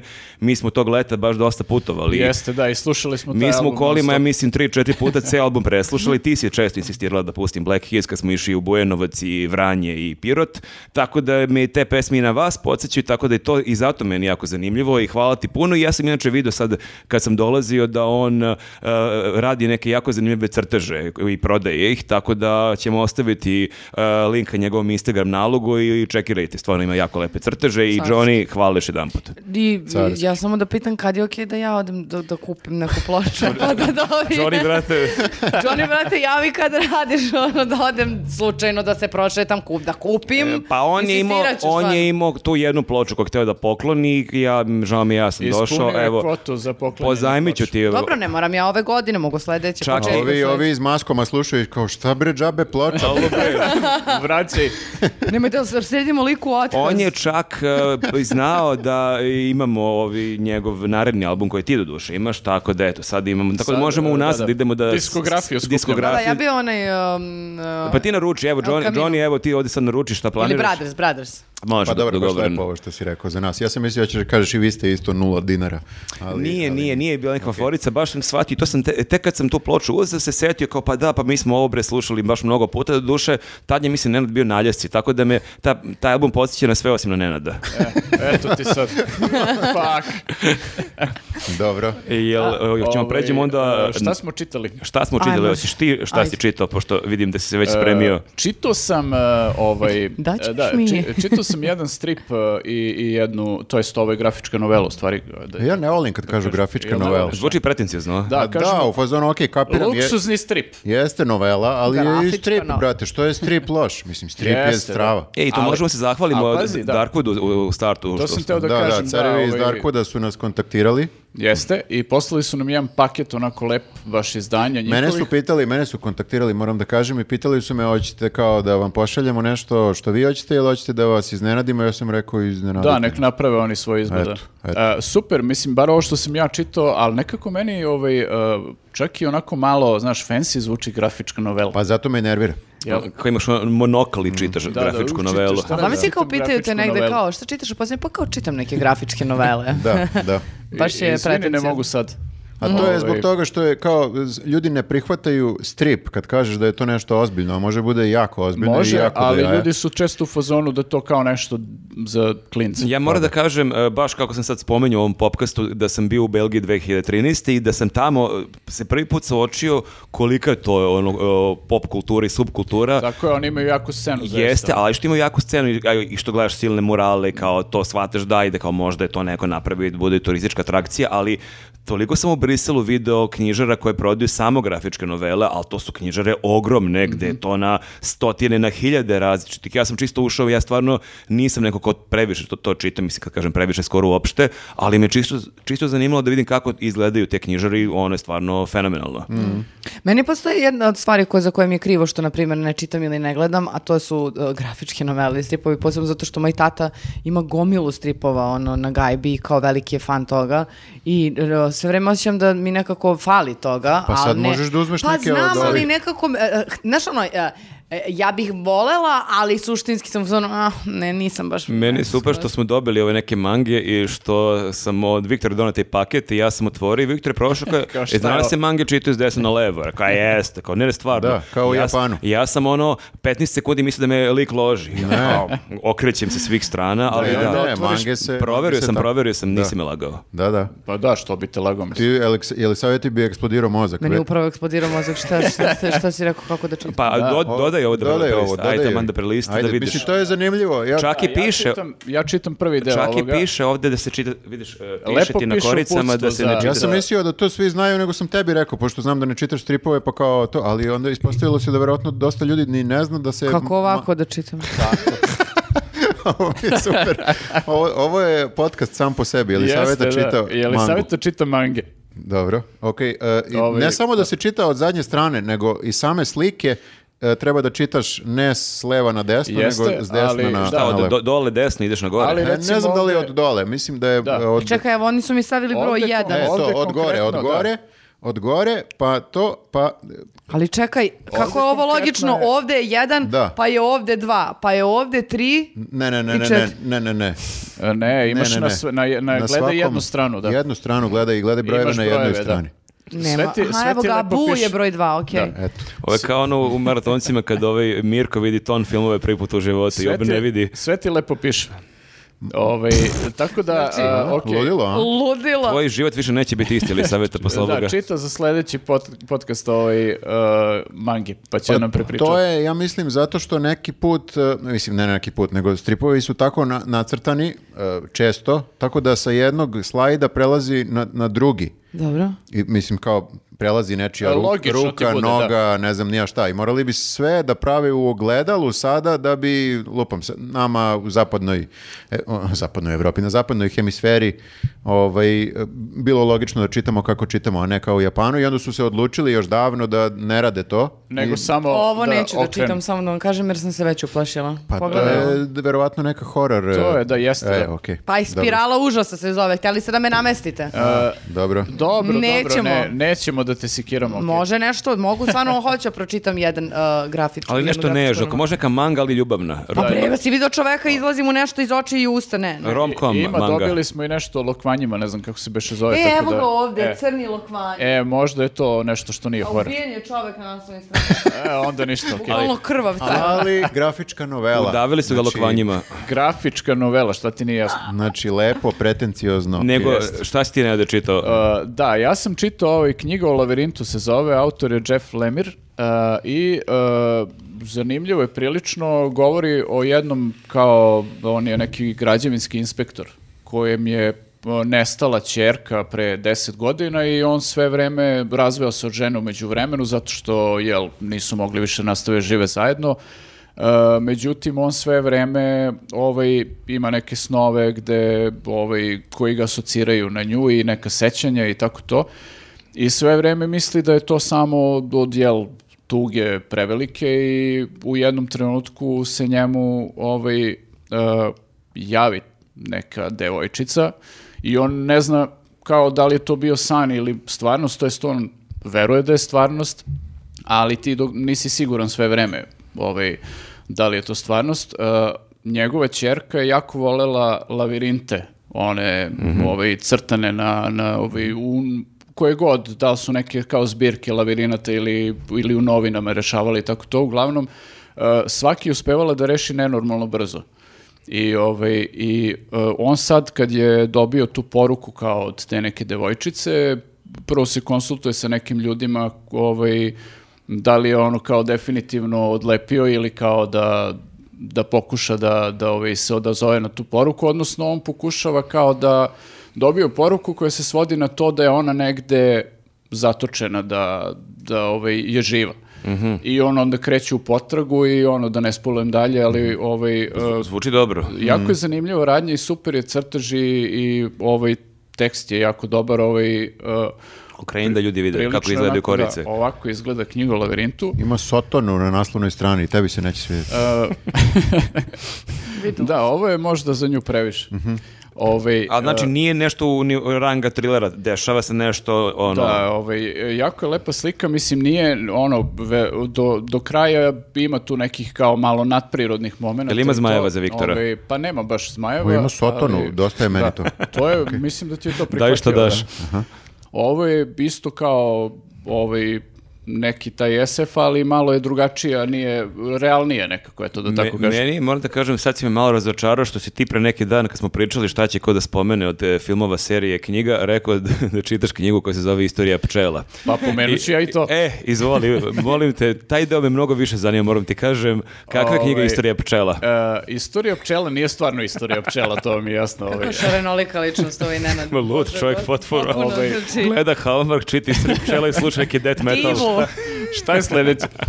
Ovaj, ne, stvarno, ovo sam, uh, potpuno random sam odabrao knjigu za čitanje zato što sam uzeo ovu aplikaciju Bookmate se zove ovaj, da, da isprobam i uh, tu sam čitao zapravo u elektronskoj formi tu knjigu, pa nemam da je pokažem. Jel ti to kao baca neke preporuke? Uh, ima, e, mislim, imaš i preporuke, a imaš ono kao najčitanije ovaj, ili najbolje ocenjeno, imaš neke razne, ovaj, kako se zovu, preporuke po različitim osnovima. Ovo je bilo najbolje ocenjeno u, rang, u kategoriji da, pčele. U kategoriji, Insek, kategoriji insekti. Isti insekti, da. ovaj, ne, samo sam lupio onako bez veze odabrao knjigu zato što mi je naslov delovo zanimljivo. Mm, pa i to je, može i tako se e, kaže. da, da, naslov istorija pčela stvarno vrlo intrigantan. Pčele kroz vekove. da, odmah nekako dobro. pomisliš želim da pročitam, recite mi nešto više o tome. Pa, pčel dobro, ali za razliku od Dražića ja makar umem da ponovim naslov ovaj, to je knjiga koju sam čitao. Pa dobro, ove, da, ovaj. u stvari ti možda si na osnovu toga izabrao. E, ne, ove, knjiga je, o, prati tri lika, ove, tri radnje postoje. Stršljen, bumbar i da. pčela. Vidim da će ovo da potre. pa izvini, zove se knjiga Istorija pčela, ali evo, čudeći. Autorka se zove Maja Lunde i a, e, prate se tri, tri priče. Jedan, jedna je priča u sadašnjosti gde, imaš, gde imamo čoveka koji je... A, e, pčelar koji želi da njegov sin nasledi kao taj ceo posao. Kada Viktor Dubrovac meha, izvini. Jel imamo poricu za lunde? ok, da. pošto ja sam ono... Ajde, ajde. Očigledne, pčelica Maja. Maja Lunda. Da. A ja sam okay. još bilo u fazonu baš je Lunda. Aha, to je Imala bolje. sam vladu, ono, govori kroz mene. to je, Vidim da to da se napeo, stavi po crveno.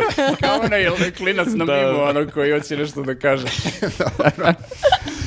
Ovaj, uglavnom, čovjek hoće da ovaj, njegov sin nastavi uh, da se bavi tim poslom, a ovaj hoće studira i upisao Harvard i onda tu kao postoji neki kleš između njih. Onda imamo lika koji je u prošlosti se bavio kao ovaj, neki je naučnik jel, koji se bavio e, pčelama kao sa biološke strane, kao dok je cela ta nauka zapravo bila u povoju.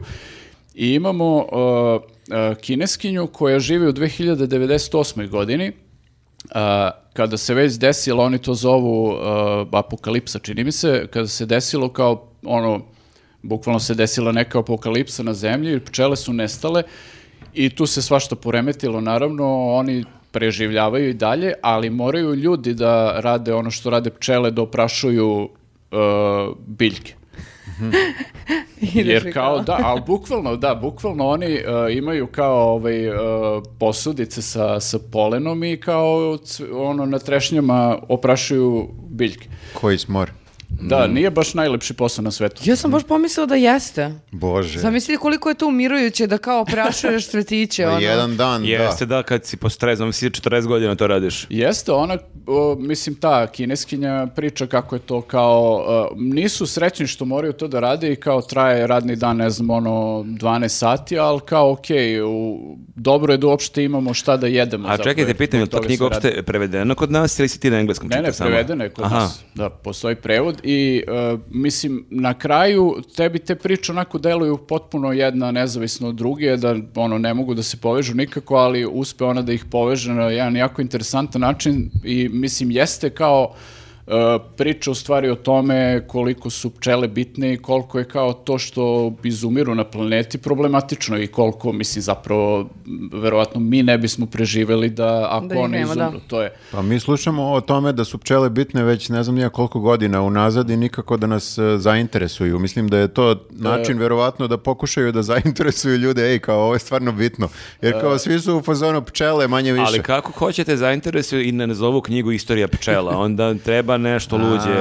da, malo neki treba, tabloidni, malo, tabloidni uh, naslov. Clickbait treba da mm. bude, da, slažem se, da. Da, da, da. Pčelina osveta. Ali lepo je, lepo je napisana knjiga, u smislu nije uopšte kao sad uh, zamorno da čitaš ako si, mislim, ko je, ko se razume u pčeli, ja ne znam ništa o tome, razumeš kao insekti, insekti, ali kao ovaj... Uh, e, insekti, insekti, to je dobar naziv. da.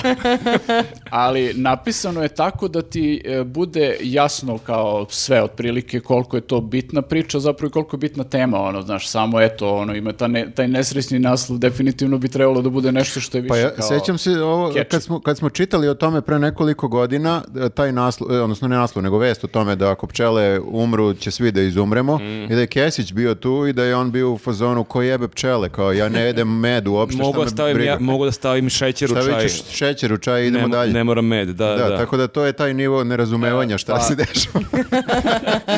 U Kesićev odboru pa, mislim da ipak bio malo liku ludaka, da nije baš stoprocentno, ali da, u dobroj meri je vjerojatno i sam u tom mislim. A dobro, znaš šta, to je nekako jedno od, on, jedno od onih stvari e, koje su onako malo, malo abstraktne, kao i globalno zagrevanje, znaš, ljude to ne zanima preterano, mislim i vidiš da imamo problem ovde da ljudi skapiraju šta znači uh, iskopavanje litijuma. Tek kad im je došlo na prag, ljudi su shvatili šta to pa znači. Čak, pa čak ni tad, jer čak kao, ni tad baš ne ipak, do kraja. E, ipak smo daleko, mi smo u Beogradu, to je tamo tamo negde, neće doći do nas, šta ima Ali veze? i mi imamo pčele ovde, jel tako? Tako da onda okej, ako taj litijum tamo ide, mi smo ovdje Tačno. Ali imamo Globalno- zagađen vazduh ovde, sigurno ne, ne, ne prije pčela. Globalno zagrevanje, super, jer ja volim da mi je toplo. Jeste, da, to je okej. da.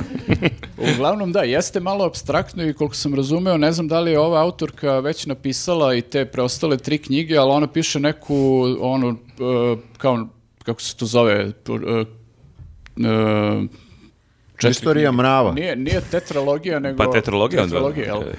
Ove, piše knjige u kojima će kao da ono se bavi tim nekim problemima. A sad ti možeš da preživiš dok ne izađe druga knjiga, je to cliffhanger neki ostaje, pčelica da. visi, da. onako i šta će biti dalje. Ne, ne, bukvalno ne moram da pročitam ništa posle ovoga. Kao, I ne planiram.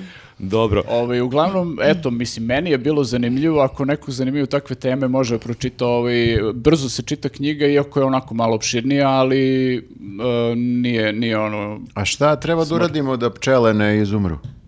Mislim, koja je pouka? Misliš, je li ona daje ovde rešenje ili samo da, jel treba Samo ne... kuka. Da. Pa ne znam, mislim, problem sa tim je što ovaj, i dalje kao čak ni naučnici nisu načisto zašto se to dešava tačno jer ovaj, postoji u Australiji... A zašto ih plaćamo? Postoji u Australiji kao valjda da li neko ostrvo ili, ili neki deo gde im se ništa ne dešava kao žive normalno kao što su živele ranije i na njih ne utiče to što utiče u ostatku sveta, tako da, mhm. ovaj, eto. Idemo svi u Australiju. Da, da, ne znam. Okay. Ovaj... Na ostrovce. Mm-hmm. Dosta smo naučili stvari po čelama sada, da, pa dobro. Jedan kulturni i edukativni e, podcast. A šta si, šta da. si čitala, saveta? E, ja sam uh, htjela da o, ovog puta predstavim knjigu uh, Tatin sin od Dina Pašuta. To je uh, hrvatski pisac, mladi, i neki kritičari nazivaju taj roman kao ono, glasom mlađe generacije, romanom mlađe generacije. Meni se jako dopalo zato što počinje od problema sa ocem, odnosa koji ima sa ocem za kojih saznaje da, je, da umire, da je bolestan ali se o, kroz prizmu tog odnosa zapravo priča i, i o, kakav je njegov život kao mlade gej osobe u, u Zagrebu, kakav je njegov odnos sa prijateljima, kakav je njegov odnos sa majkom, kako je uopšte uticala generacija naših roditelja a, e, i vaspitanje i sve kroz što su prošli na nas kao, o, kao decu. Mm -hmm. a, bilo mi je jako zabavna knjiga zato što je užasno duhovit čovek i sada mm -hmm. bez mhm. obzira što i politički i sociološki i neke ono, intimne odnose objašnjavali, objašnjavali ih na tako zabavan i iskren način da nekako ne može da ti bude simpatično. A, tako da mi je ta, to sam htela da, da, da obratim pažnju ljudima da pročitaju, mislim da, da, da će im se svijeti, može bude jako zanimljivo. Ah, cool. A, ja sam a, e, htio da predstavim ovu knjigu koju se zove... Hoćeš da pričaš e, o njoj toliko koliko je ona sama dugačka? E, da. E, znači, knjiga se zove Mladenka Kostonoga i napisao je hrvatski pisac Želimir Periš. I uh, prvo što se kod nje što zapadne za oko jeste njen gabarit, on ima skoro 600 strana i to možda može da nekog malo uplaši, ali knjiga je stvarno sjajna i, i stvarno se brzo čita. E, pritom, ja sam imao malo problem e, što e, objavilo je Buka. I sad, e, Buka je izdavačka kuća koju ja jako volim. Ja sam kupio sigurno 30 njihovih knjiga i imaju sjajna neka izdanja. Ali, da im poručiš nešto. Ali, kao, ali im ne poručim nešto.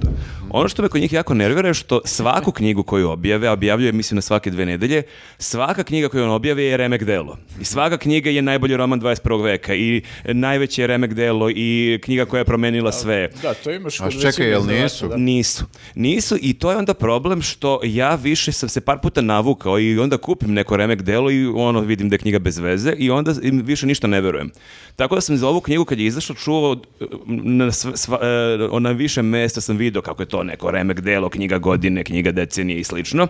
I ja sam bio jako skeptičan, ali sam od e, par ljudi kojima verujem čuo da stvarno knjiga jeste takva i evo ja tvrdim ovo jeste remek delo. Ovo je stvarno genijalna knjiga i U pitanju je, e, što opet meni zanimljivo, meni na prvi pogled uopšte ne bi zanimalo, jer kao to je, počinje knjiga neki guslar 19. vek, glavna junakinja neka veštica i ja u sam startu kad sam... Se bavo da što čita istoriju pčela. Ne, ne, ova knjiga je ludila. Pričaš o guslaru iz 19. Jest, veka. E, e, e, e, to je, vidiš, to su predrasude i to je ta površnost koju naše društvo ima. Ne, vidiš, ti savladao si to, ipak prešao si preko toga, ne voliš te zmajeve i tako ne to. Ne volim zmajeve. Ali guslari a, Ne, ne, ali ni, e, nije, ona jeste kao, mislim, veštica, nije ona veštica, ona je žena koja pokušava da preživi živi tako što proriče sudbinu i što mm -hmm. gata ljudima i baca neku ono, neke su vražbinu pitanje, ali nema ona super moći, nije ona stvarno neko ko leti ili slično, nego prosto... Zad nije lakše ženi da preživi da ne bude veštica? u to doba. A, to je tačno, mada ona je, to je već neki 19. vek i e, zanimljivo je što e, pritom i jezik se nekako e, menja iz poglavlja u poglavlje, pritom je jako zanimljivo što knjiga uopšte ne ide linearno, nego počinje jedno poglavlje se dešava, ne znam, u Beču 1850. Sledeće poglavlje je e, u Istri 30 godina ranije, sledeće godine u Bosni 40 godina kasnije, tako da te negde onako na momente e, može se malo pogubiš, jer e, Jeste, je zahtevna malo... je knjiga, treba baš da se onako pažljivo čita i na, u nekom momentu počinje sjajno i onda sam se bio malo pogubio, čak je postojala opasnost da je batalim, jer sam više nisam znao šta se tu dešava. Svako poglavlje su nova decenija, novi lokalitet mm -hmm. i mhm. neki novi likovi često budu. Proverio sam, ovaj pisac je stariji od nas. Jeste, sam, 75. Sviđa. godište, dakle, i da. to je, delo je onako... I već toliko napisao. E, ali stvarno onako deluje da je mnogo zreliji i stariji, onako kad kreneš da čitaš knjigu ali onda kad kreneš pred kraj onako da povezuješ taj neke prilike kada sklapaš taj mozaik, onako baš te oduva i kraj je stvarno fenomenalno, neće pričam naravno šta je,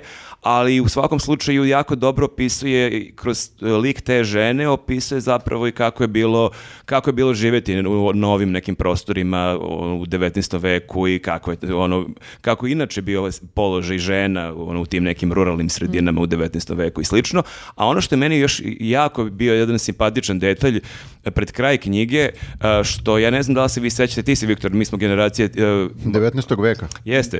E, sećaš kad smo bili klinici, da se vjerojatno i ti ne da sećaš, bile su jako popularne one knjige što ima kao odaberi svoju da, avanturu. Da, ja sam sve da. e, Ja sam to obožavao. Ja. Ti znaš, izvini, ali to je bilo jako kratko popularno, baš kad se ti rodila. Mislim da, se, mislim da se posle vratilo u nekom drugom e, obliku. Ali kao za dečija, dečija knjige, da, da. onda biraš da li će biti novo ili ono Da, da, Hoću kažem, ti si možda čitala neke malo kasnija izdanja To je bilo baš neke 89. 90. jako popularno i to je da, ono, ideš kroz hodnik, ako želiš da mhm. otvori vrati, ide da, na stranu 15, ako želiš da nastavi da hodi, ide na stranu 36. Odaberi pa e, svoju pustolovinu. I on ima jedno poglavlje koje iz čiste mira tako krene da piše. Samo jedno poglavlje i to je meni bilo pa on je ta generacija On je ta generacija, da, da, da, tako da mi je još u sve kvalitete i u svo uživanje koje sam imao u toj knjizi, bilo je tog nekog nostalgičnog momenta da me vratio to da ja kao biram da li ću da uđem na vrati ili ću da šetam u stepenice. Tako da, ali mislim, to je jedan izvedeno de, de detalja, mislim da nije to najveća e, vrednost te knjige, ali u svakom slučaju stvarno nemojte da vas uplaši e,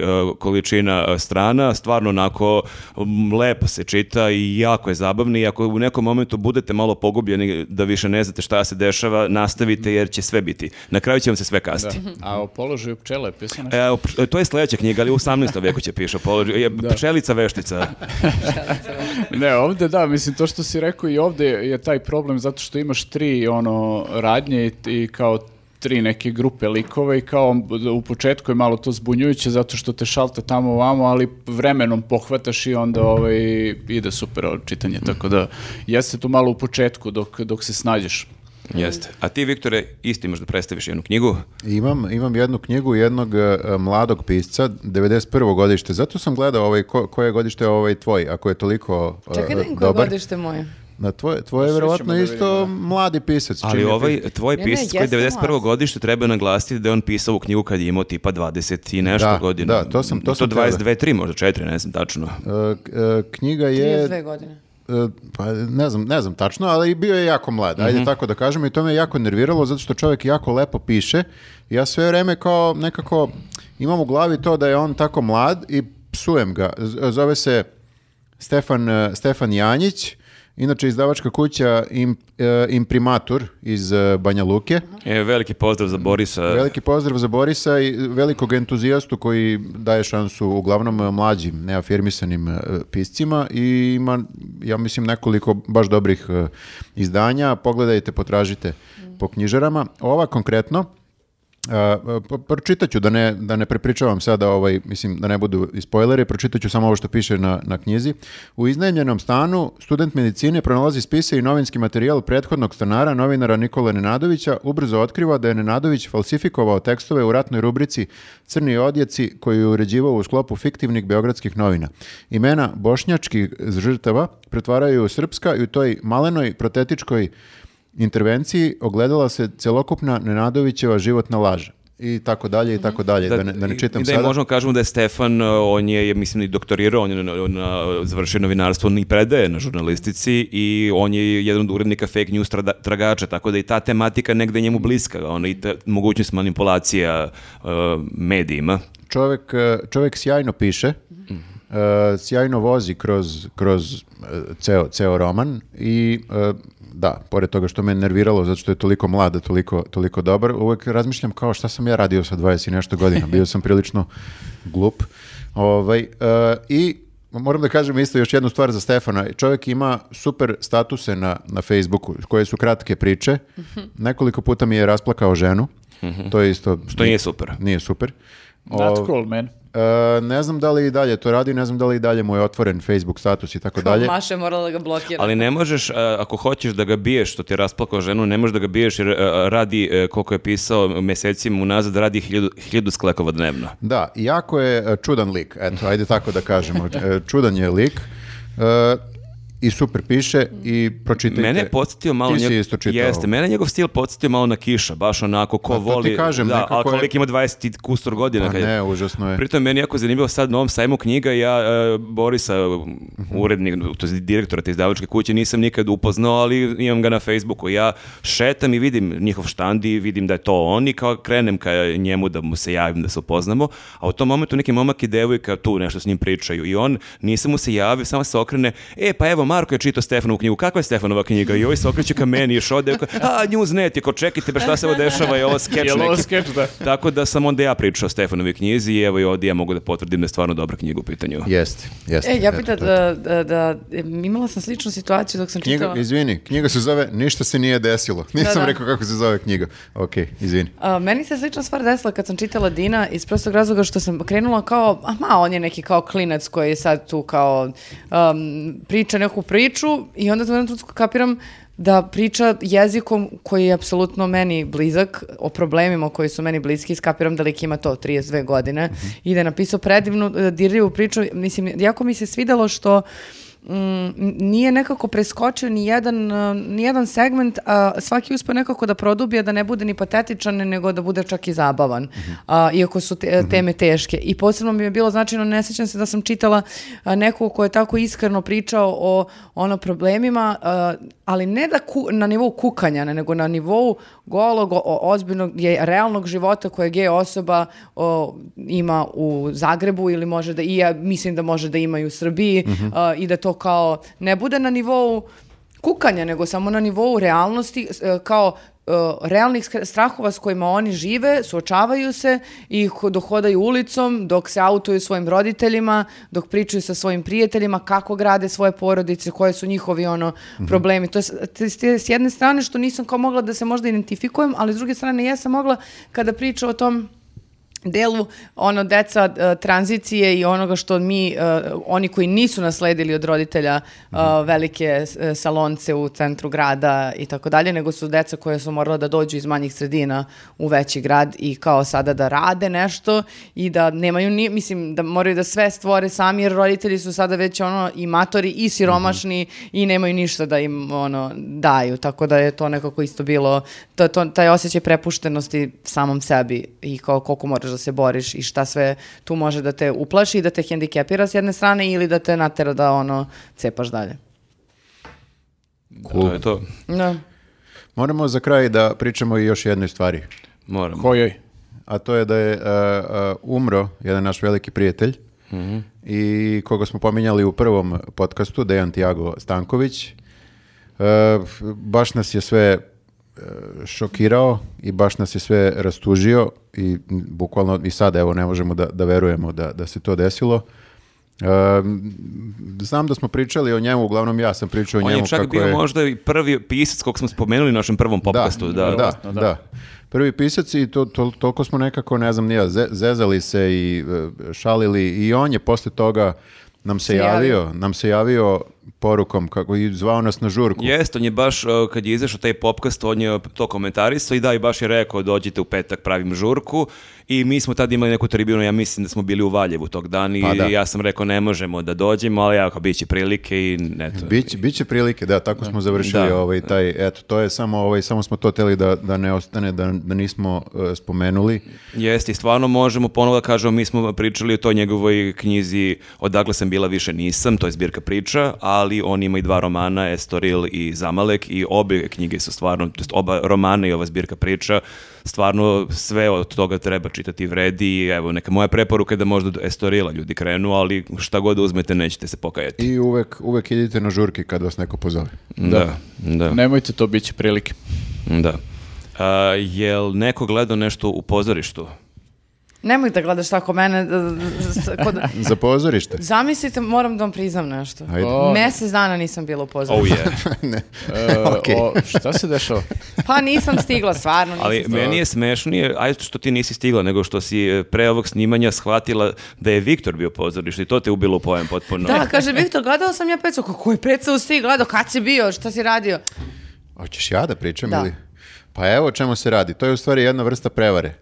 Ja nisam išao u pozorište, ja sam gledao predstavu na televizoru svom. Live stream? Ne. Nije, nije bio live stream. Našao si profesionalca na e, YouTube-u. E, Radovana Trećik. Mhm. Ne, nije, nije. To je... Jesi gledao, ajde. Gledao sam uh, predstavu Hamilton, uh, to je musical na Broadwayu, čini mi se. Broadway. I Ili gleda pa Boruć, Ljudi, gleda Boruće filmove. Mi ne obećavamo da sledeće godine Nenad uh, ovde Da, ja. Okej. Ubio nas u popkastu. Hamilton, znači ovako, ima nekoliko stvari koje će mnogi ljudi da odbije u startu. Uh, prvo, prvo što je musical, drugo što ovaj, je na engleskom, mm -hmm. treće što se radi o biografiji slabo poznatog, rekao bih, američkog e, lika iz 1000 ne znam pojma, 700 i neke, jedan od američkih ovih founding fathers, kako se prevodi mm. na mhm. srpski već. Svi znamo za ove neke, ne znam nija, Bena Franklina, Georgia Washingtona. Njega nema u stenama. Pa nema ga, nema ga. Mm. Ovaj, I ne znam koliko je, mislim, on je u Americi verovatno poznat, ali opet nekako niže rangiran, kako bih rekao. Dobro. Ali je vodio neki interesantan život. Nije zvezda A klase. Nije, nije. Mm. Ovaj, vodio neki interesantan život i Lin Manuel Miranda, tako se zove lik koji, je, koji ga i glumi u predstavi i napisao je celu mhm. predstavu i uh, e, komponovao celu predstavu. On je verovatno čovek genije, mhm. jer je uspeo da napravi bukvalno od svih pesama u samoj A zapisujete sada? E, gledam, ne, ne, ne gledam palo mi je na pamet nešto da... Svi, svi, su, svi ne, su otišli, svi e, su odustali od ovog podcasta. Je Igram zato... igricu neku. Pričam nikome, šta se e, dešava? E, slušam, slušam te. Zvučalo mi je poznato njegovo ime kao da sam gledao nešto što je radio, pa sam zato uzeo da vidim ko je. Mhm. Dobro, dobro. I, a, e, verovatno i jesi gledao. On, u Americi je poznat lik. Mm -hmm. a, uglavnom, nap, uspeo da napravi skoro svaku pesmu da bude hit čina. Znači, ja to nisam odavno vidio. To je neka mešavina repa, soula, eh, ne znam sada koji, u koji žanr bih eh, svrstao, uglavnom Neverovatno mi je da je mene, koga ne interesuje pod jedan, ne interesuje me toliko ni američka istorija, ne interesuje me taj deo američke istorije mm. i naročito me ne interesuje neki lik iz lik, američke da. Koji nije kao istorije, da je uspeo da me zainteresuje, da kao ja sad sam u fazonu, gledam ovo i uživam i neverovatno me interesuje. A čekaj, kako si gledao, bio neki live stream i si našao na YouTube-u? Našao sam na netu negde, Aha. zaboravio sam ko je, možda je, možda je Disney, slagaću mhm. vas. Mm -hmm. uh, neki od ovih uh, streaming servisa mm -hmm. ga, ga ima i stvarno je sve urađeno u najvišoj mogućoj produkciji što se tiče i zvuka i svega i naravno da nemaš osjećaj kao da si u pozorištu jer to je nemoguće preneti na mhm. TV-u, ali je ono next best thing, mm -hmm. kako se kaže pogledajte ako uspete negde da nađete, stvarno je fenomenalno. To je u Americi ogroman hit i predstava i ja mislim i ovaj sada mm -hmm. TV verzija. Ovde kod nas ne znam koliko je poznato. Ne, mhm. ne, nije se toliko da, ja možda pričalo o tome. Možda i jeste, nego nije u ovim nekim našim eto, krugovima. Otvaramo neke, pokrećemo neke nove eto, teme u ovom podcastu. Eto, totalno ovaj, e, neka čudna, čudna nova stvar, barem meni, a nadam se da će još neko da pokupi, pa posle možemo da komentarišemo. Odemo na piće, ja pričamo o e, Hamiltonu. Da, mene je da, baš inspirisalo to što si rekao, zato mi je odmah sinulo, uh, za vreme korone da su pozorišta često puštala um, streamove mm -hmm, svojih mm -hmm, predstava mm -hmm. i neke sam pogledala, uh, međutim jedna je ostavila baš jak utisak na mene i to je pozorište koje se da, predstava koje se dalje igra u Narodnom pozorištu, zove se Ivanov, to je Čehovljeva, mm -hmm. Čehovljev komad u režiji Tanja Mandić-Rigonat u kojoj igra uh, Hana Selimović koja je po meni jedna od, na, od najboljih mladih glumica koje imamo u, sa, zajedno sa Nikolem, Nikolom Ristanovskim i uh, ka, naravno kažeš ne može nikada da gleda, ako gledaš na TV-u da ti prenese uh, mhm. predstava taj sentiment, međutim meni je zaista nekako prenela, meni se mm. jako svidelo, uživala sam. Možda sad, ako stavimo u, u kontekst da, da nisam imala drugu opciju nego da mhm. kao uživam u, po, u pozorištu koje je na televiziji jer ne možeš da ideš upravo, ali ostavio mi baš lep utisak i uh, stalno se setim uh, te predstave kao neka koja bi vola da, uh, e, koja bi preporučila i koja bi vola da odem da pogledam i uživo. Ali da li imaš tu baš teoriju to da li je skrnavljenje gledati ono na TV-u neku predstavu i da, pa- ako imaš opciju da odeš i da gledaš uživo. Ako imaš opciju, naravno da ne može se prenese na TV. Jeste. Da. Naravno, ali da. E, ova je stvarno, mislim, dobra je predstava svakako mm -hmm. i o, glumci su fenomenalni i onda ti kad to gledaš, mislim, naravno da je bolje da odeš u pozorište da gledaš predstavu, ali o, nije, nije, nije skrnavljenje jer je odlično, odlično mm -hmm. je mhm. svakako izvedba. Pa Ma sad ne, kao, daleko da je skrnavljenje, samo po, kao to je da. ono, uzmi da je to druga opcija. Pa da, naravno, ne može pogotovo što da, da toga nema, mi ne bismo znali ništa o Radmiloviću, Malte ni o Radovanu trećem. Yes, da. Ali baš ono, bih... Kad nemaš drugu opciju, Kad okay, nemaš drugu opciju, i, apsolutno. Da, da. I ovde bih sad spomenuo potpuno neplanirano, kad sam rekao malo pre profesionalac,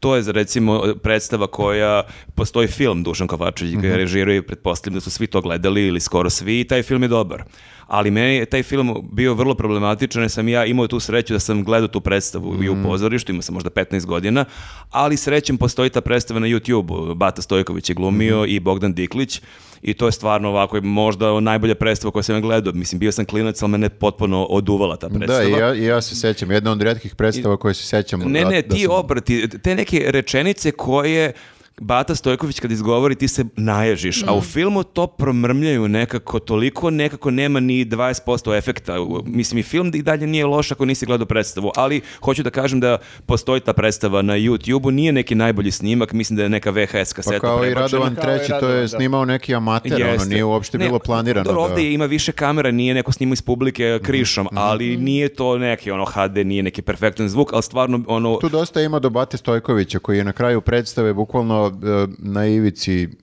života mhm. koliko, koliko se On kad zdao. kaže onim glasom koji odzvanja ti ne znaš ko sam ja, ali to toliko ti odzvanja i, i čak i na tom YouTubeu kad gledaš i to mhm. toliko u filmu nije, nema ni blizu taj efekt, tako da je to čisto ko ne može da ode u pozorište ili ono, može da mhm. pogleda tu predstavu, zaista neće se pokajati. Mm.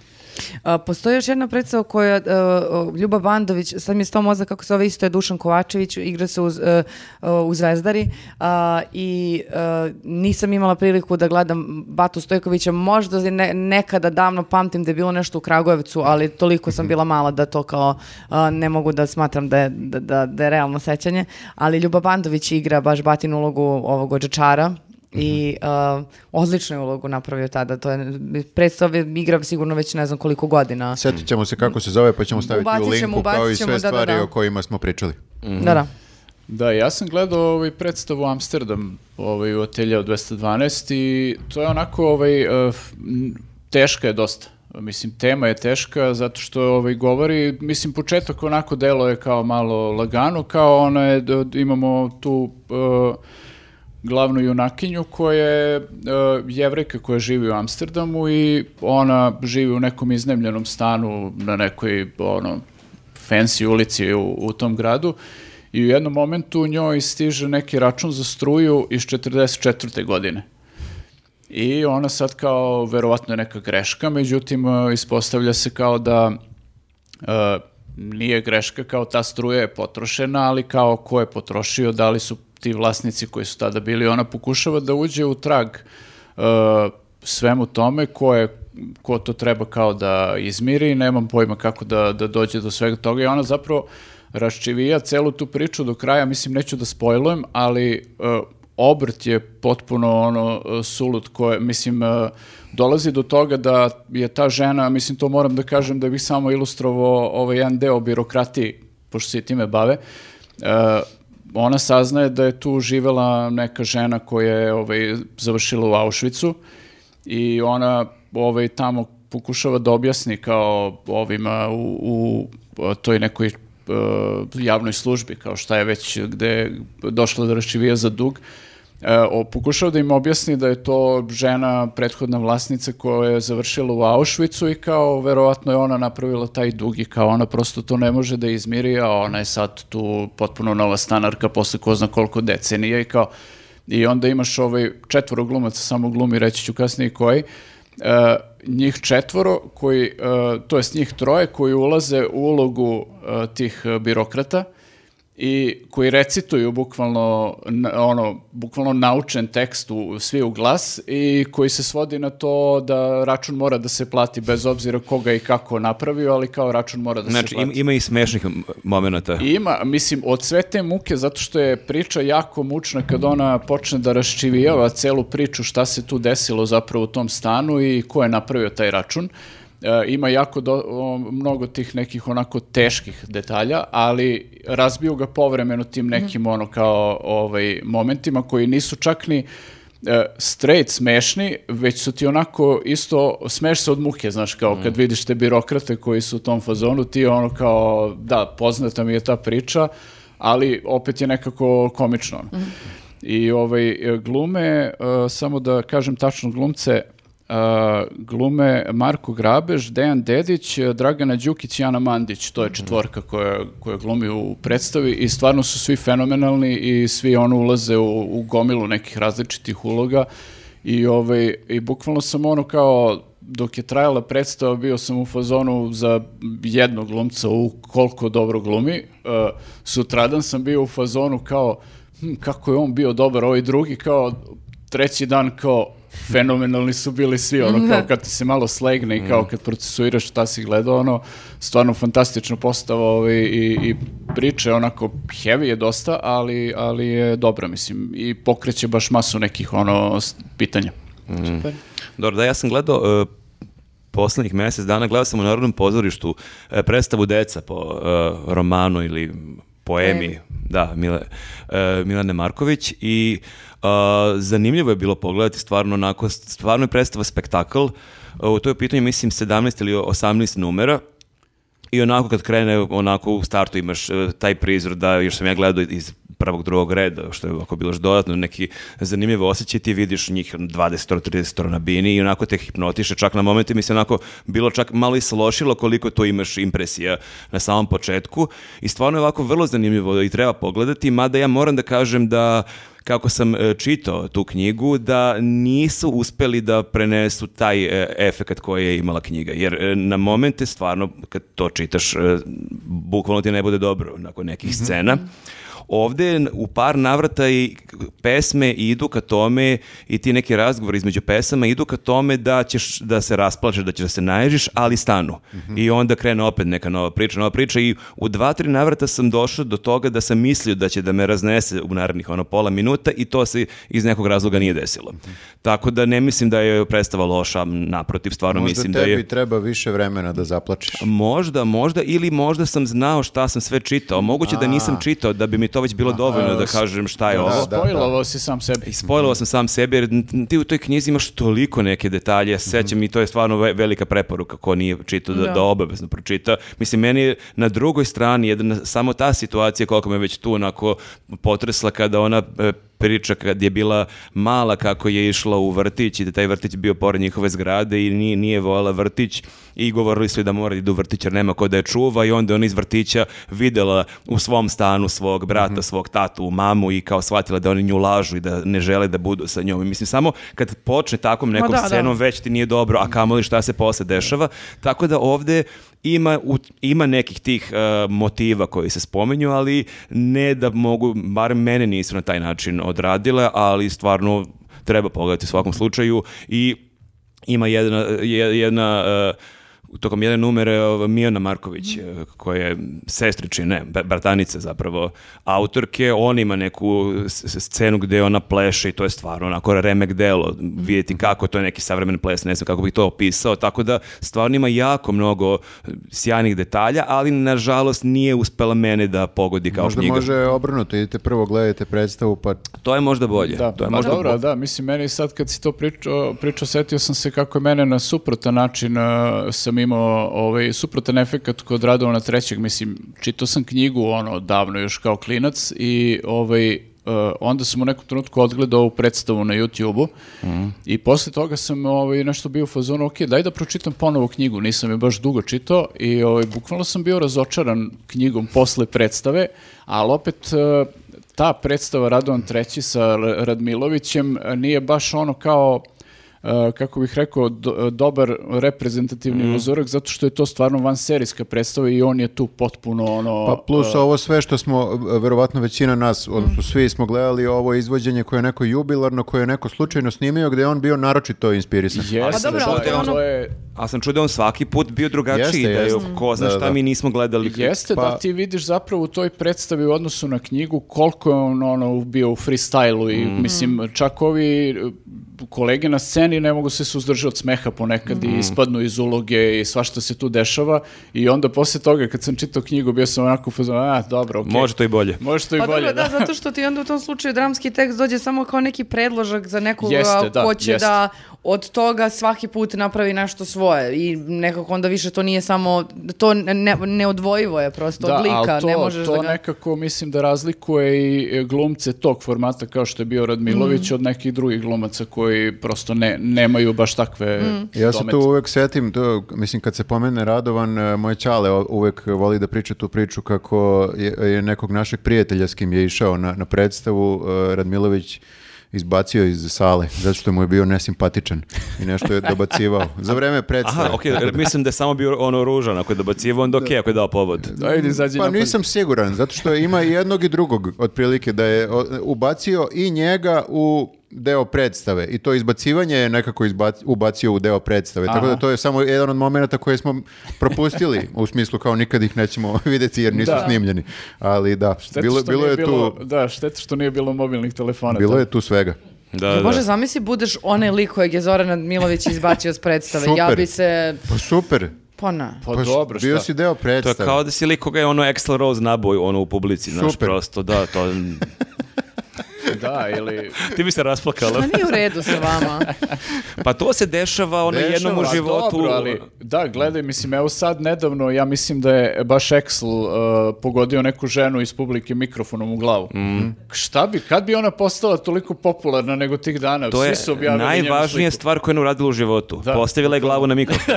I da nije postala popularna, njoj će to ostati za ceo život. Nekako kao pa verovatno u vidu neke ono čvoruge, modrice, ožiljka ali ili... ne, ne, ne, neko će, ne, ne, neko će reći čvoroga, neko će reći čvorog od Axl Rose. Lepa, yes. lepa uspomena. To, pa, na primjer, ne znam, deca ili tako mm, nešto. Svadba deca, da. Mm.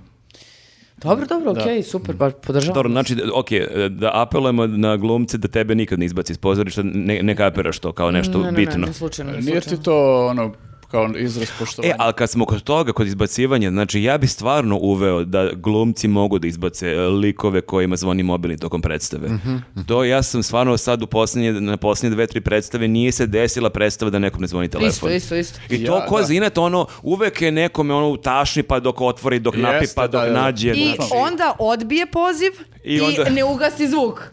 I onda čovek kome odbijem poziv kaže čekaj možda me da. slučajno da. i opet za pa, Zato što ne da. zna da ugasi. I Ja sad na jednoj predstavi nedavno kad sam bio, znači žena je to, počeo da zvoni telefon, prvo je pola sata trebalo da nađe telefon, mm. a onda je pala torba iz koje se prosulo sve. No onda je vatno I... njoj frka panika pa se nervozi. i to je onda ludilo, mislim, i e, to i ljudi koji iz nekog razloga uzmu u nekom trenutku počnu da pričaju tokom predstave, ali onako šapuću ili onako polu... Vidiš, da- nekim... da, vidiš da nije hitan razgovor. Da, da, Da da, da, da. Vidiš da nije hitan Možete drag. sačekate, da. Ali ja se divim glumcima. razumem, ja se bukvalno divim glumcima kako ne odlepe. Ono, ja, ja stvarno pokušavam da zamislim sebe da tako pričam. Sad se unesem u neku ulogu i kao nekom zvoni. I ne, zvoni, ja, ja bih sigurno odreagovao. Ono, ali na što je super, Hana eh, Selimović skoro imala neki story kao a, eh, prijatelji, eh, znam da kao ste veliki poštovaci pozorišta i kao da volite da to bude tišina i da isključite telefon i tako dalje. Ali gora kategorija od ljudi koji pričaju tokom predstave su oni koji rade š Jer da, ti si sad toga, kao da. ono čuvar e, te, te, te vatre pozorišne i svega i pa si, i sad ovi se trude da ignorišu te koji da. Treba... tiho pričaju, a ti onda da ispadneš faca na sve pet zavuraš da, da, treba izbaciti sve. više, pa mislim nije baš ni to dobro rešenje, tako da. E, a provalio sam još da, e, čini mi se da se malo menjaju pozorišta, kako ima dosta stranaca, dosta Rusa, imaš recimo sada, vidim da uvode titlove na neke predstave. Stvarno, na da, ruskom? Da, da, da, ne na ruskom, na engleskom. Na engleskom, uvek da. ima, većina predstava... Stvarno, je to nisam video baš jako dugo. Sad sam video nedavno, to nisam video... Ja mislim tipa... da da, tipa u JDP-u čak ti piše sa strane mm -hmm. kad je predstava, uh, sa engle, bit će sa engleskim titlom. Ok, to onda možda nisam obratio pažnju, ali... Možda ja grešim da je u svim, ali znam da, na primer Ma, Mada mi to znam. skreće pažnju, onda uvotim sebe da gledam titli kao, a ne, kasnije, ne, ovo nije, ovo je bilo malo pre, kao, čekaj, ovo nije da, za mene. Nije dobro prevedeno. Zapravo bih ja drugačije ovo rekao. Da, da, Rusi će drugačije shvatiti. Ovo nije u duhu jezika. Da. Mene to više nervira, na primjer, kad su neke strane predstave, kad dođe Bitev da igra nešto i onda, uh, uh, ako je pozicionirano tako da sve to gledamo ovde, a dole se dešava, mislim, neko ludilo koje sad ja ne mogu, ako ga gledam, ne kapiram šta, jer nego, ne, ne razumijem jezik, a s druge strane, potpuno besmisleno da celu predstavu gledam kroz Gore, titol, da. a ne, onda mm -hmm. ništa nisi video od onda sa glume, niti bilo čega. Eto, eto, first world problems. Nadam se da će, pa jel nudiš ti neko rešenje onda? Da možda glumac, da glumci drže papire kako pričaju da tako menjaju papire i da imaš titul. I onda gledaš njih i vidiš. Mislim da, Mislim da bi im se to dopalo. Tišina. Meni je ovo palo na pamet, ali ja sam barem ponudio rešenje, ti nisi ni to čak uradila.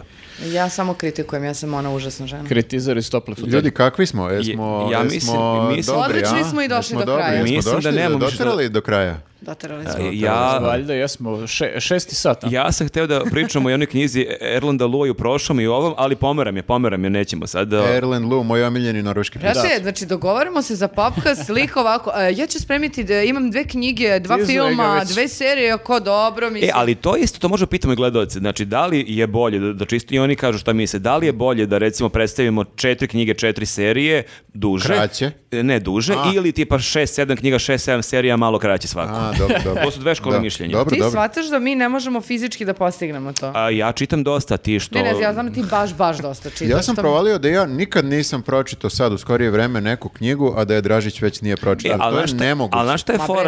A, mislim da ti polaziš od toga da moraš da predstaviš knjigu koju si čitala posljednjih mesec dana. Čitaš knjigu ne pre da tri čitaš, godine i kažeš... Ne, ne, ne, pa evo, Dina ne. sam pro pročitala letos. A znači varala si sad? Ne, ja... neosporo, nego samo mi se čini da to toliko količini informacija malo da stešemo ono za ljudi ljude, a sigurno dok mi izaberemo jedno, ulazim u digresije i pomenemo još Jeste, ne znam koliko da. stvari. Ja sigurno mogu da pogledam e, sedam božićnih filmova za mesec dana. Ako ima još nekih istorija o insektima, pročitat će sve. Da, da, naravno. E, pa ništa, to je to onda za ovaj popkast, treći po redu. Vidimo se sledeći put u popkastu poslednjeg ponedeljka u januaru. I e, čekajte da. ljudi, pa srećna vam nova godina. Srećna nova godina. Srećna nova godina, pa ljudi. Pa mislim, da. to izaći će sad tu kao ponedeljaka, tu u petak nova godina. I godina. Božić. I Božić. Da, da, da. I jeste, i sve. I, I sve. Hanuka. I e, Hanuka bila. Ostavite u komentarima neke vaše e, preporuke. To je isto meni znači. I nemojte se ljutiti ako to ne budemo komentarima Da, da, ali da, ali svakako ćemo da gledati ljudi... nešto od toga tokom e, A e, možda raspust... bismo mogli da uvedemo rubriku kao što imamo u našem podcastu, da možda čitamo komentare, možda ne moramo da ostrašćeno reagujemo, ali da možda kroz taj neki segment preletimo neke razne preporuke. Ovo ovaj je čovjek je genije. Pa što da ne? Ajde, nisi oduševljena, vidim. Ne, ja sam imala neki zadatak u glavi, da nam napišu u komentarima koje su ono filmove koji su u nekoliko delova uh, izbinđovali za, za Ja Znamo da će Nenad Božić na filmove. Uh, je, uh, istina. istina. Uh, ja sam mislila, na primjer, Bridget Zamfiru. Jones, pošto sam Harry Pottera morala da izbinđujem um, sad skoro.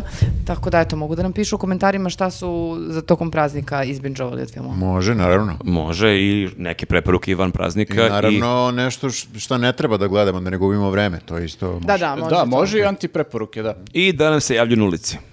To se to je, to je onaj drugi podcast. Ma, mislim da mogu da nam se, mogu i, mogu i da. iz ovog podcasta da nam se A, jave. Okay. Super.